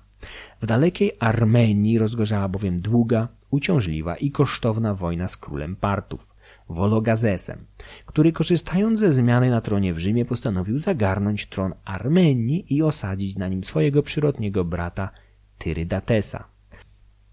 Rzymianie podjęli rzuconą im rękawicę, w efekcie czego uwikłali się w wieloletnie walki toczone ze zmiennym szczęściem przez dwóch wodzów Petusa i Korbulona. Ten pierwszy poniósł nawet wyjątkowo haniebną klęskę, a ścigany przez króla Partów uciekał tak szybko, że po drodze porzucił za sobą wszystkich rannych. Po przybyciu do Rzymu pokonany i zhańbiony Petus z niepokojem stanął przed obliczem Nerona. Cesarz przyjął go prędko i od razu zapewnił generała, że wybacza mu klęskę i nie będzie się na nim mścił. Dodał także złośliwie, że mówi mu to od razu, bo wiedząc jak lękliwy jest Petus, nie chciałby zbyt długo trzymać swojego wodza w niepewności, która mogłaby zakończyć się dla niego problemami zdrowotnymi. Neron faktycznie nie był specjalnie mściwy. Petusa oszczędzono. Wojnę w Armenii zdołał przechylić na korzyść Rzymian jeden z najzdolniejszych wodzów tamtych czasów – Korbulon. Po kilku udanych kampaniach zdołał skłonić Partów do negocjacji. W 63 roku wysłannicy Nerona i Wologazesa uzgodnili, że odtąd Armenią będzie rządził przedstawiciel Partów, ale po swoją koronę będzie się zawsze musiał udać do Rzymu. Porozumienie z partami było dla Tacyta żałosnym kompromisem, ale z punktu widzenia interesów cesarstwa był to największy i zarazem najtrwalszy sukces Nerona. Pokój zawarty przez niego z Wologazesem miał przetrwać pół wieku, a więc dłużej nawet od umów zawartych wcześniej z partami przez Augusta. Skłonność do kompromisu była u Rzymian podyktowana przede wszystkim ogromnymi kosztami wojny armeńskiej, która zmusiła cesarskich urzędników do drapieżnego ściągania środków z odległych prowincji, jak Brytania i Judea. W obu zresztą stało się to zarzewiem lokalnych zrywów, które przyniosły olbrzymie straty ludzkie i materialne. Roczne przychody cesarstwa w czasach Nerona zazwyczaj szacuje się na kwotę zbliżającą się do miliarda sestercji. John Drinkwater szacuje koszty wieloletniej wojny w Armenii na 4 miliardy, a rewolty Budiki na 2 miliardy sestercji. Naturalnie są to jedynie estymacje, ale o ilości pieniędzy, jakie płynęły na wschodni front, może świadczyć pewna anegdota przekazana nam przez Pliniusza. Według rzymskiego pisarza jeden z cesarskich niewolników, sprawujący pieczę nad zaopatrzeniem i żołdem armii na wschodzie, miał jakiś czas potem wykupić się z niewoli, płacąc, zapewne już kolejnemu cesarzowi, zawrotną sumę 13 milionów sestercji za swoją wolność. A ta zawrotna kwota była z pewnością jedynie niewielką częścią, drobnym procentem funduszy, jakie sprytny zarządca zdołał sprzeniewierzyć podczas wojny w Armenii. Neron w tym czasie zaczął zasilać pustoszejący w zastraszającym tempie budżet państwowy z prywatnego majątku, przelewając do państwowego skarbca co roku 60 milionów sestercji. W tym samym czasie nowy zarządca Judei siłą zabrał ze świątyni jerozolimskiej kosztowności odpowiadające zadłużeniu, jakie prowincja miała w stosunku do Rzymu. Ten ostatni czyn padł niczym iskra na łatwopalny materiał. Judea zapłonęła, a postawiony pod ścianą Neron oddelegował do jej pacyfikacji doświadczonego Wespazjana, przyszłego cesarza. Panowanie Nerona upływało więc pod znakiem dość licznych wojen i rebelii. Sam cesarz zaś poważnie planował podbój Kaukazu i wybrzeży Morza Czarnego, co miało być tym łatwiejsze, że to właśnie pod jego panowaniem udało się uzależnić Królestwo Bosporańskie z siedzibą na dzisiejszym Krymie. Do wyprawy kaukaskiej nigdy nie doszło. Zabrakło na nią czasu i środków. Neron był ciekawy świata i chętnie sponsorował wyprawy eksploracyjne w odległe, słabo znane tereny. Dwie najsłynniejsze z nich udały się w zupełnie przeciwnych kierunkach. Celem pierwszej było pozyskanie bursztynu, cennego materiału pozyskiwanego nad odległym północnym morzem. Dzisiaj ten akwen znany jest nam jako Bałtyk. Ekspedycja dowodzona przez jakiegoś rzymskiego ekwitę zdołała dotrzeć do bogatych w bursztyn krain i przywieźć do Rzymu z powrotem całkiem duży ładunek, który wykorzystano do zrobienia drogocennych dekoracji podczas kolejnych igrzysk. To wtedy Neron zauważył podobieństwo bursztynu i włosów ukochanej Popei. Druga z ekspedycji udała się jeszcze dalej. Jej celem była podróż z biegiem Nilu i w miarę możliwości dotarcie aż do jego źródeł. Wyprawa, którą dowodziło dwóch centurionów, łączyła w sobie prawdopodobnie cele militarne, handlowe i naukowe. Oficerowie bacznie zwracali uwagę na zasobność i potencjał militarny kolejnych królestw leżących na terenie dzisiejszego Sudanu, a kupcy szacowali zyski z potencjalnej wymiany handlowej. Zwracano także uwagę na lokalną faunę, florę i anomalia pogodowe. Bardzo możliwe, że Rzymianie brali pod uwagę możliwość ekspansji na południe, do dzisiejszego Sudanu. Plany te mogły jednak pokrzyżować nierokujące dużych nadziei obserwacje cesarskich wysłanników. Za panowania Nerona rozwijał się także handel dalekosiężny na Oceanie Indyjskim, a rosnące z tego tytułu wpływy pozwolą kolejnym cesarzom na znaczne podniesienie żołdu legionistów oraz zbilansowanie kilku deficytowych prowincji. Imperium za czasów Nerona rozkwitało dzięki rozsądnym rządom jego pragmatycznych zastępców. On sam niespecjalnie angażował się do kierowania państwową nawą. Zadowalał się miejscem pasażera. W 63 roku, po zakończeniu wojny z Partami o Armenię, po raz pierwszy od kilku dekad zamknięto w Rzymie drzwi do świątyni Janusa. Cesarstwo znalazło się w rzadkim dla siebie stanie pokoju, który miał trwać przez trzy lata, aż do wybuchu rebelii w Judei. W 66 roku Rzym był świadkiem największego sukcesu w polityce zagranicznej, jaki miał odnieść Neron. Po dwóch latach przygotowań król Armenii Tyrydates wyruszył na czele orszaku trzech tysięcy wojowników i całej chmary dworzan w długą drogę do Rzymu po upragnioną koronę. Ze względów religijnych Tyrydates musiał do minimum ograniczyć podróże morskie. Całą więc drogę od Armenii do Rzymu pokonał lądem. Za wyjątkiem Hellespontu oczywiście. Wyprawa trwała 9 miesięcy, a każdego dnia pochłaniać miała 800 tysięcy sestercji, które wspaniałomyślnie płacili Rzymianie. W maju 66 roku Tyrydates stanął wreszcie w stolicy nad Tybrem, gdzie w obecności mieszkańców Rzymu miał złożyć hołd, a następnie odebrać symbol swojej władzy i błogosławieństwo od suwerena, cesarza Rzymian. Neron nie szczędził pieniędzy na ceremonię, która miała oszołomić zarówno orientalnego gościa, jak i jego poddanych. Doszło tylko do jednego drobnego zgrzytu. Tyrydates nie chciał się zgodzić na odłożenie swojego miecza, a pretorianie za nic nie chcieli pozwolić, aby uzbrojony zbliżył się do Nerona. W końcu obie strony doszły jednak do kompromisu.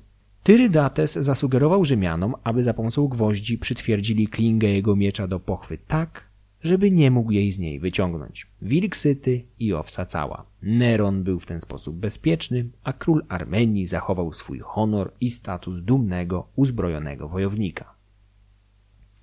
Hołd Tyrydatesa w maju 66 roku wyznaczył jednocześnie zenit rządów Nerona.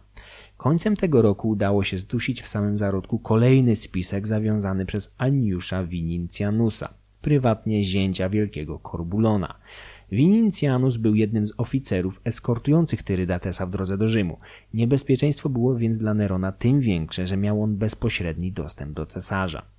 Trzydziestoletni Winincjanus został stracony. Niemal dwa tysiące lat później jego tragiczna osoba stała się dla Sienkiewicza inspiracją dla literackiej postaci Marka Winicjusza. Końcem 66 roku Neron postanowił wyruszyć w swoją pierwszą i zarazem jedyną podróż poza granice Italii. Celem była Hellada, gdzie władca miał odbyć tournée artystyczne. Cały kolejny rok, aż do jesieni 67 roku, pan Imperium spędzał na czymś w rodzaju oszałamiających wakacji połączonych z zawodami artystycznymi i sportowymi. Neron od zawsze chciał wziąć udział w czterech największych igrzyskach odbywających się w Helladzie. Olimpijskich w Olimpii, pytyjskich w Delfach, istmijskich w Koryncie i nemejskich w Nemei. Aby dogodzić jego życzeniom, wszystkie te imprezy, wypadające zazwyczaj w kolejnych latach, zorganizowano tym razem w ciągu zaledwie kilkunastu miesięcy. Neron uważał, że jedynie Grecy będą w stanie docenić jego sztukę. Jeszcze będąc w Italii, jak najczęściej wymykał się przecież do zamieszkanych przez Hellenów okolic Neapolu, gdzie dawał swoje pierwsze publiczne popisy artystyczne. Podczas jednego z nich zresztą doszło do niesamowitego zdarzenia. Dając występ w neapolitańskim teatrze, Neron poczuł nagłe dygotanie podłoża i budynku. Jakby zatrzęsła się ziemia. Pomimo tego dokończył recital. Tuż po tym, gdy ostatni widzowie opuścili teatr, ziemia zatrzęsła się ponownie, a drewniany budynek runął. Otoczenie cesarza musiało tłumaczyć to zdarzenie na wiele sposobów. Nikt jednak nie zdawał sobie wówczas sprawy, że oto budzi się z wieloletniego uśpienia wielki Wezuwiusz. Kilkanaście lat później śpiący olbrzym na dobre wyrwie się ze swojej drzemki, czego efektem ubocznym będzie zagłada Pompejów i Herkulanum w 79 roku. Neron traktował Hellenów w taki sam sposób jak dzisiejsze środowiska progresywno-lewicowe podchodzą do przedstawicieli dawnych, pierwotnych kultur z przeidealizowanym szacunkiem, będącym jednocześnie kamuflażem dla protekcjonalnej wyższości. Syn Agrypiny idealizował Hellenów, zasypując ich komplementami. Za jego czasów Hellada była jedną z najbiedniejszych krain cesarstwa. Nie wydawała też żadnych wybitnych artystów. Była jedynie skansenem pełnym oznak dawnej, minionej świetności. Szczególnie zaś cennych dzieł sztuki, które wyzwoleńcy Nerona skrupulatnie zagarniali dla swojego pana. Cesarz nie był jednak niewdzięczny. W toku swojego tournée ogłosił oficjalne wyzwolenie Hellenów, co nie oznaczało oczywiście wycofania rzymskich urzędników i wojsk. Hellada została jednak faktycznie zwolniona z wszelkich ciężarów podatkowych na rzecz Rzymu. Stan ten utrzymał się przez trzy lata, do czasu, gdy na tronie zasiadł bardziej pragmatyczny Wespazjan. Trzeba jednak przyznać, że cesarski artysta faktycznie cieszył się sporą popularnością we wschodniej greckiej części imperium – Jedynie w Judei był wspominany jako potwór współodpowiedzialny za krwawe stłumienie żydowskiego powstania w drugiej połowie lat 60. Hebrajczycy nie mogli mu także zapomnieć wspierania Greków aleksandryjskich w ich ciągłych konfliktach z wyznawcami mozaizmu. Michael Grant zauważył, że wartość cyfrowa imienia Nerona zapisanego w alfabecie hebrajskim zwraca liczbę 666 i tym samym tłumaczy genezę biblijnego antychrysta. W przeciwieństwie do Żydów, Hellenowie od Egiptu przez Azję Mniejszą aż do samej Hellady wspominali Nerona z dużą sympatią i nic dziwnego, że to właśnie w tej części cesarstwa po jego śmierci pojawili się w kolejnych latach wszyscy uzurpatorzy, mieniący się być właśnie nim. W trakcie swojego tournée Neron brał udział w mnogich występach, zdobywając dokładnie 1808 złoconych wieńców wręczanych mu przez greckie miasteczka. Poza uczestnictwem w artystycznych i sportowych agonach, to wówczas cesarz zainicjował wspomniane przeze mnie wcześniej prace nad przekopem kanału przez Istm Koryncki. Jesienią 67 roku wesoła wyprawa do Hellady dobiegła przedwczesnego końca. Z Rzymu nadchodziły bowiem niepokojące wieści wysyłane przez wyzwoleńca Heliosa, zarządzającego miastem pod nieobecność cesarza. Nadtybrzańskie elity i senat opornie współpracowały z wyzwoleńcem, okazując mu coraz większą niechęć. Poleciały kolejne głowy, a nienawiść elit do cesarza i jego otoczenia wzrastała. Neron został skłoniony do przedwczesnego powrotu, ryzykując rejs po niespokojnym Morzu Śródziemnym jesienią, już po zakończeniu sezonu żeglugowego. Po wylądowaniu w Zatoce Neapolitańskiej cesarz rozpoczął triumfalny pochód na północ, w trakcie którego odwiedził niczym olimpijski triumfator cztery miasta Neapol, Ancium, Alba Longa i Rzym. W Neapolu narodził się jako artysta. W Ancium przyszedł na świat przed 30 laty. Z Alba Longa pochodzić mieli jego mityczni przodkowie, którzy założyli Rzym. W mieście nad Tybrem zaś panował na co dzień. W odwiedzanych grodach burzono fragmenty murów, aby umożliwić Neronowi wkroczenie do nich zgodnie z greckim zwyczajem, typowym dla zwycięzców olimpijskich. Triumf w Rzymie był swego rodzaju precedensem, gdyż w ostatnich dekadach poza hołdem Tyrydatesa nie odbywały się w stolicy tego typu ceremonie. Ludność z pewnością cieszyła się wielkim widowiskiem, niespecjalnie przejmując się, że jego organizacje motywowały bezkrwawe sukcesy artystyczne, nie zaś podbój kolejnej prowincji. Neron dzięki swoim osiągnięciom artystycznym uważał się za takiego samego bohatera, jak dawni generałowie celebrujący triumfy nad Galami, Kartagińczykami czy Macedończykami. Cesarz wkraczał w czwartą dekadę życia, chociaż z pewnością nie mógł spodziewać się, że jego egzystencja dobiega już kresu. Wiosną 68 roku przyglądającemu się walkom zapaśników Neronowi doniesiono, że w Galii bunt podniósł tamtejszy namiestnik Juliusz Windex. Cesarz znajdował się wówczas w ukochanym Neapolu. Wiadomość zignorował i przez osiem dni nie podjął rzekomo żadnego działania. Rebelia nie zamierzała jednak wygasnąć samoczynnie. Windex słał do Rzymu coraz bardziej aroganckie wiadomości, nawiązując jednocześnie kontakty z dowódcami i namiestnikami sąsiednich prowincji. Buntownik sam nie posiadał pod komendą żadnych legionów. Mógł oprzeć się jedynie na lokalnych mieszkańcach. Sam był zresztą zromanizowanym Galem. Windex nie zamierzał wyzwalać swojej ojczyzny. Wiedział także, że nie ma szans na objęcie tronu po Neronie. Domagał się jednak obalenia obecnego cesarza i zastąpienia go kimś wybranym przez Senat.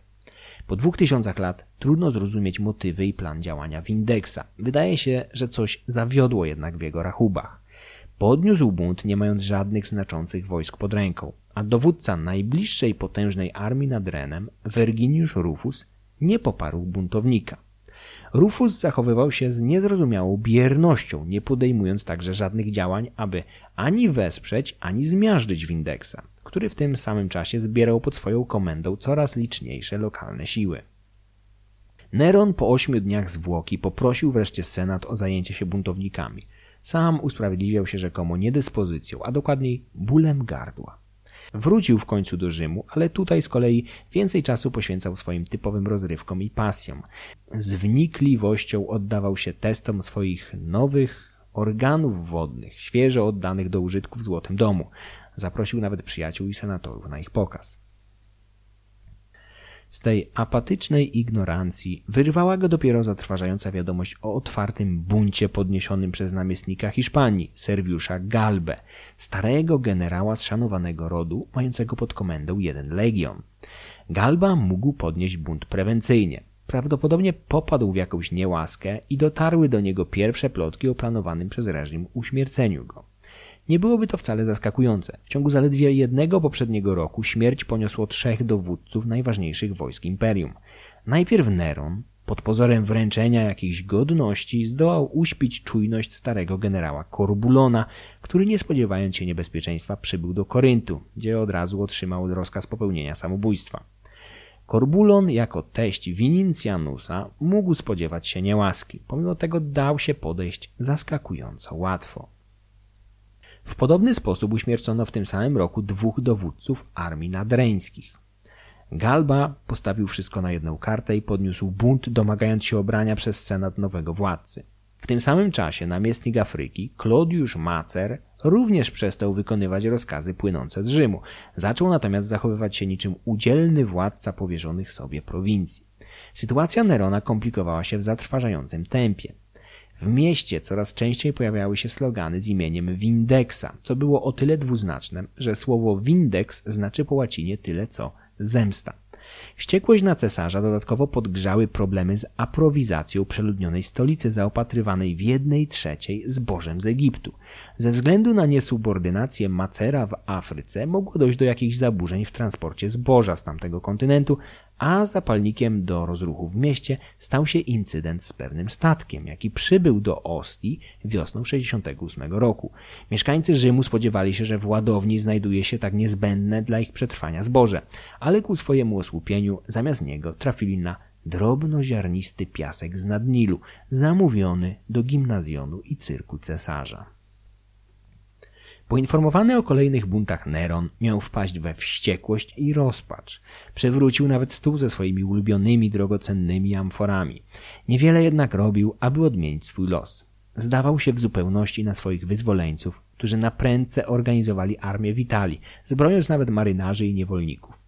Jednocześnie zbierano bardziej wartościowe legiony nad Padem. Wojsko pod komendą cesarza miało wymaszerować wkrótce do Galii, ale Neron jak zwykle prokrastynował.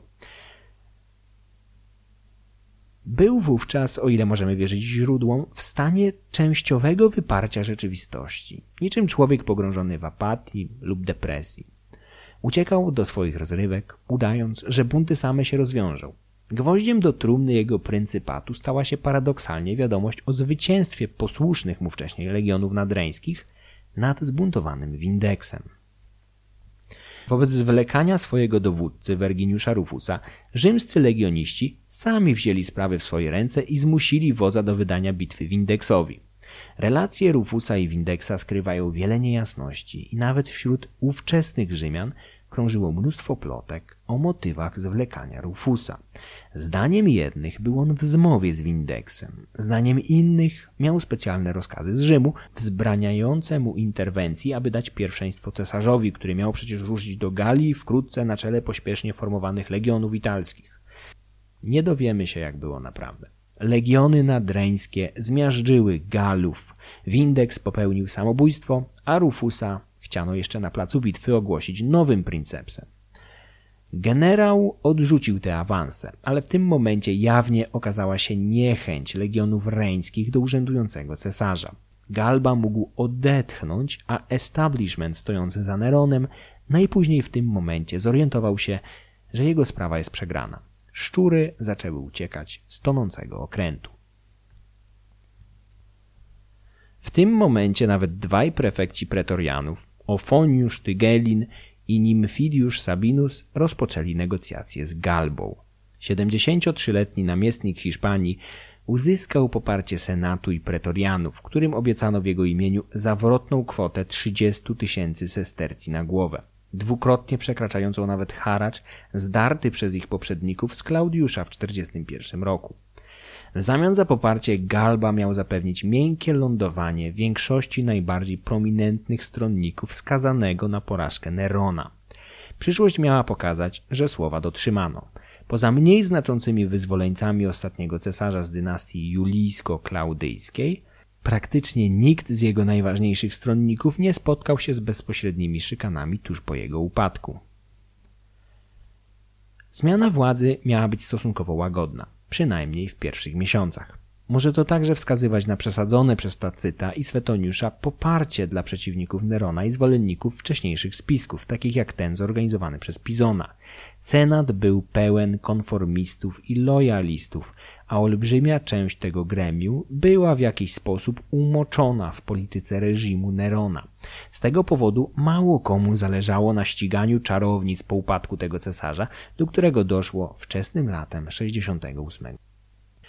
7 czerwca, na bieżąco informowany o kolejnych zdradach, Neron podjął wówczas desperacką decyzję o ucieczce na wschód, najlepiej do Aleksandrii. Jednak dowódcy pretorianów, zaproszeni przez niego na audiencję, odradzili mu podejmowanie takiej wyprawy. Jeden z nich miał nawet ironicznie zapytać swojego władcę, czy aby na pewno śmierć jest tak przerażającym rozwiązaniem? W głowie zdesperowanego princepsa kołatać się miały plany wyjścia do ludu rzymskiego i proszenia go o litość. Miał także rozważać abdykację, zastanawiając się, czy Galba pozwoli mu zostać namiestnikiem Egiptu albo chociaż prywatnym obywatelem, artystą. W chwili rzadkiej wówczas pewności siebie miał nawet rezolutnie stwierdzić, że jeżeli ustąpi z tronu, to z pewnością jego sztuka go wyżywi. W nocy z 7 na 8 czerwca 68 roku Neron spał wyjątkowo źle, co biorąc pod uwagę sytuację, w jakiej się znajdował, nie było specjalnie zaskakujące. Zbudził się wśród ciemności, aby zobaczyć, że jego komnaty opuściła służba i strażnicy. Z szokiem zorientował się, że najcenniejsze przedmioty z jego prywatnych pokojów zostały rozkradzione. Strażnicy zaś zabrali ze sobą nawet złotą puszkę, w której trzymał przygotowaną na takie chwile truciznę od lokusty. Spanikowany Neron błąkał się po pustych, mrocznych komnatach złotego domu, szukając wyzwoleńców i sług. Szukał starego talizmanu ze skóry węża danego mu niegdyś przez matkę. Wierzył, że uchroni go przed nieszczęściem. W końcu trafił na Faona, jednego ze swoich wyzwoleńców. Prosił go o przyprowadzenie doń Spikulusa, gladiatora i dowódcy jego germańskiej gwardii, aby ten zabił go zanim wpadnie w ręce wrogów. Spikulus jednak również rozpłynął się w powietrzu, a sam Neron nie był w stanie targnąć na własne życie. Faon doradził mu, aby czym prędzej uciekał z miasta i skrył się w jego prywatnej willi, tuż za Rzymem. Cesarz przystał na propozycję, nie zdając sobie sprawy, że jest to podstęp, mający na celu jedynie wyciągnięcie go ze stolicy.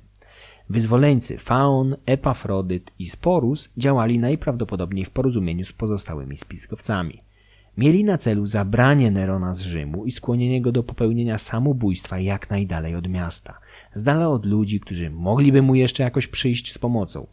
Nikt nie chciał osobiście zamordować cesarza, bowiem wszyscy doskonale pamiętali, jaki los spotkał Kasiusza Heree, gdy ten podniósł rękę na Gajusza w 41 roku.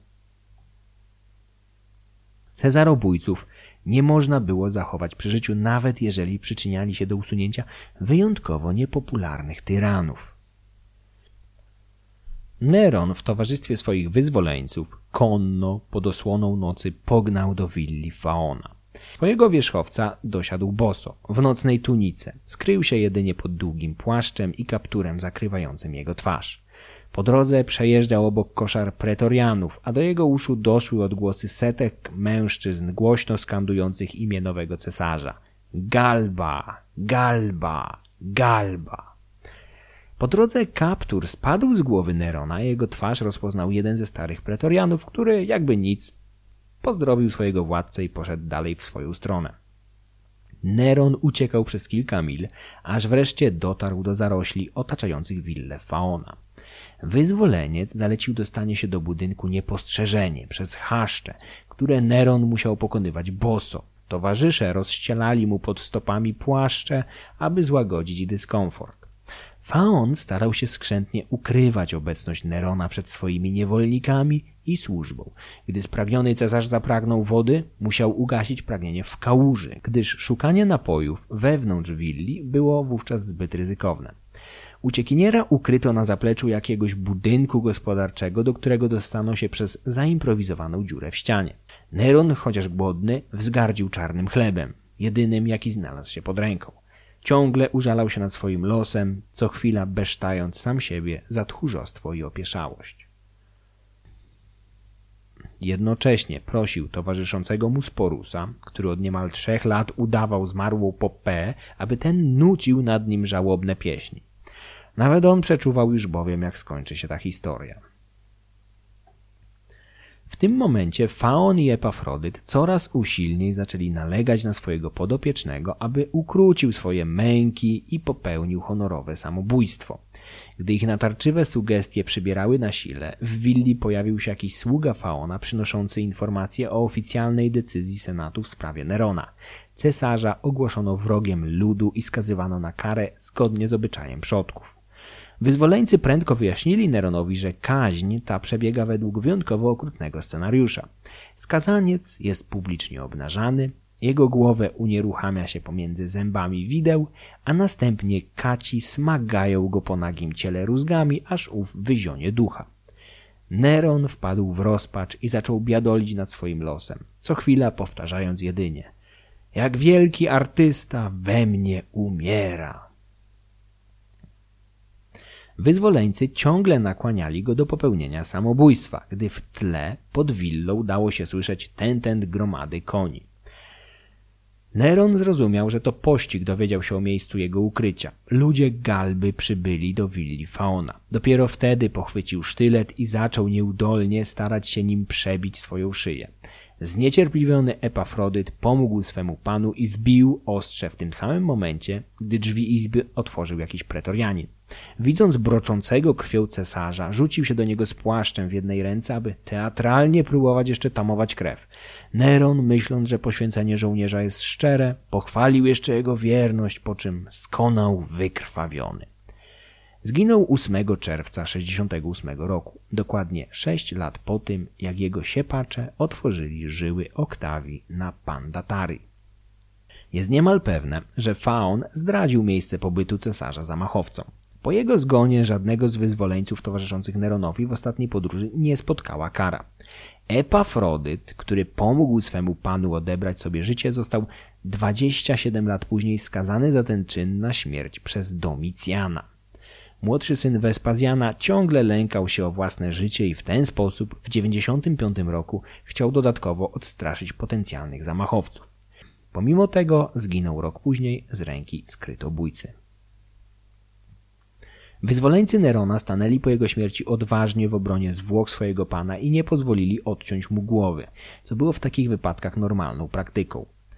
Zmarłemu zapewniono drogi pogrzeb kosztem 200 tysięcy sestercji wysupłanych ze skarbu państwa. Jego ciało spoczęło w rodowym grobowcu Domicjuszów, który stał aż do początku XII wieku, kiedy to nakazał go zniszczyć papież Paschalis II, którego w snach rzekomo prześladowały wizje Nerona Antychrysta. Ciało grzebała jego pierwsza wielka miłość, Aktę, razem z dwoma piastunkami zmarłego cesarza, Eklogę i Aleksandrią. Miejsce Nerona zajął stary Galba, który nie zdołał jednak zbyt długo zagrać miejsca na tronie swojego poprzednika. Wraz z synem Agrypiny ginął nie tylko artysta, ale także cała dynastia. 31-letni Neron nie posiadał żadnych potomków, a podczas swojego panowania skutecznie pozbył się innych męskich członków swojej dynastii. Tron zdobył zbuntowany namiestnik jednej z prowincji, ustalając tym samym niebezpieczny precedens zagrażający w przyszłości stabilności imperium. Wydaje się, że jak zauważył John Drinkwater, Neron upadł przez plotki, pogłoski i własną bezczynność. Podczas swoich rządów nie wykazywał żadnego zainteresowania wojskiem. Nie zostawił po sobie potomków i z premedytacją lekceważył obowiązki spoczywające na głowie cesarstwa. Dopóki wszystko funkcjonowało dobrze, władca cieszył się popularnością, nie obawiając się przewrotu.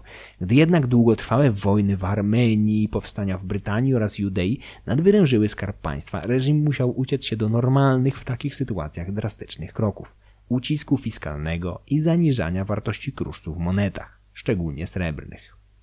To zaś w połączeniu z prześladowaniem elit i nieakceptowalną w wielu środowiskach ekstrawagancją Nerona doprowadziło do eksplozji.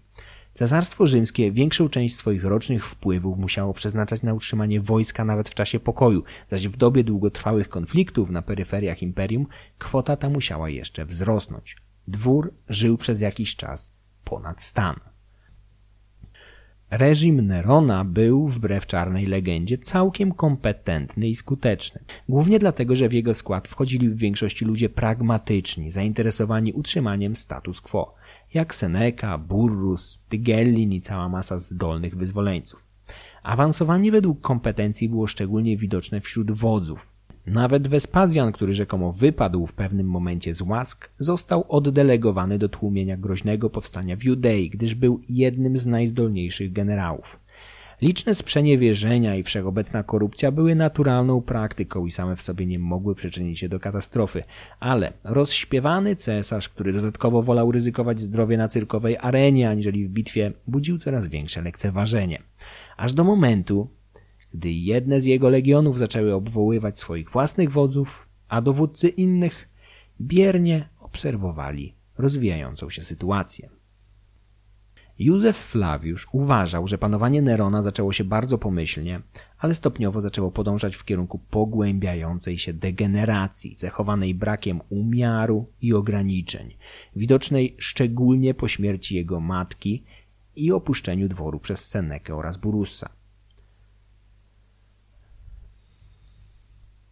Neron nie był potworem ani antychrystem utrwalonym przez tradycję żydowską i chrześcijańską – nie potrafił jednak sterować swoim państwem, był zupełnie niezainteresowany rządzeniem. Traktował swoją pozycję jedynie jako szansę na realizowanie się w karierze artysty i sportowca.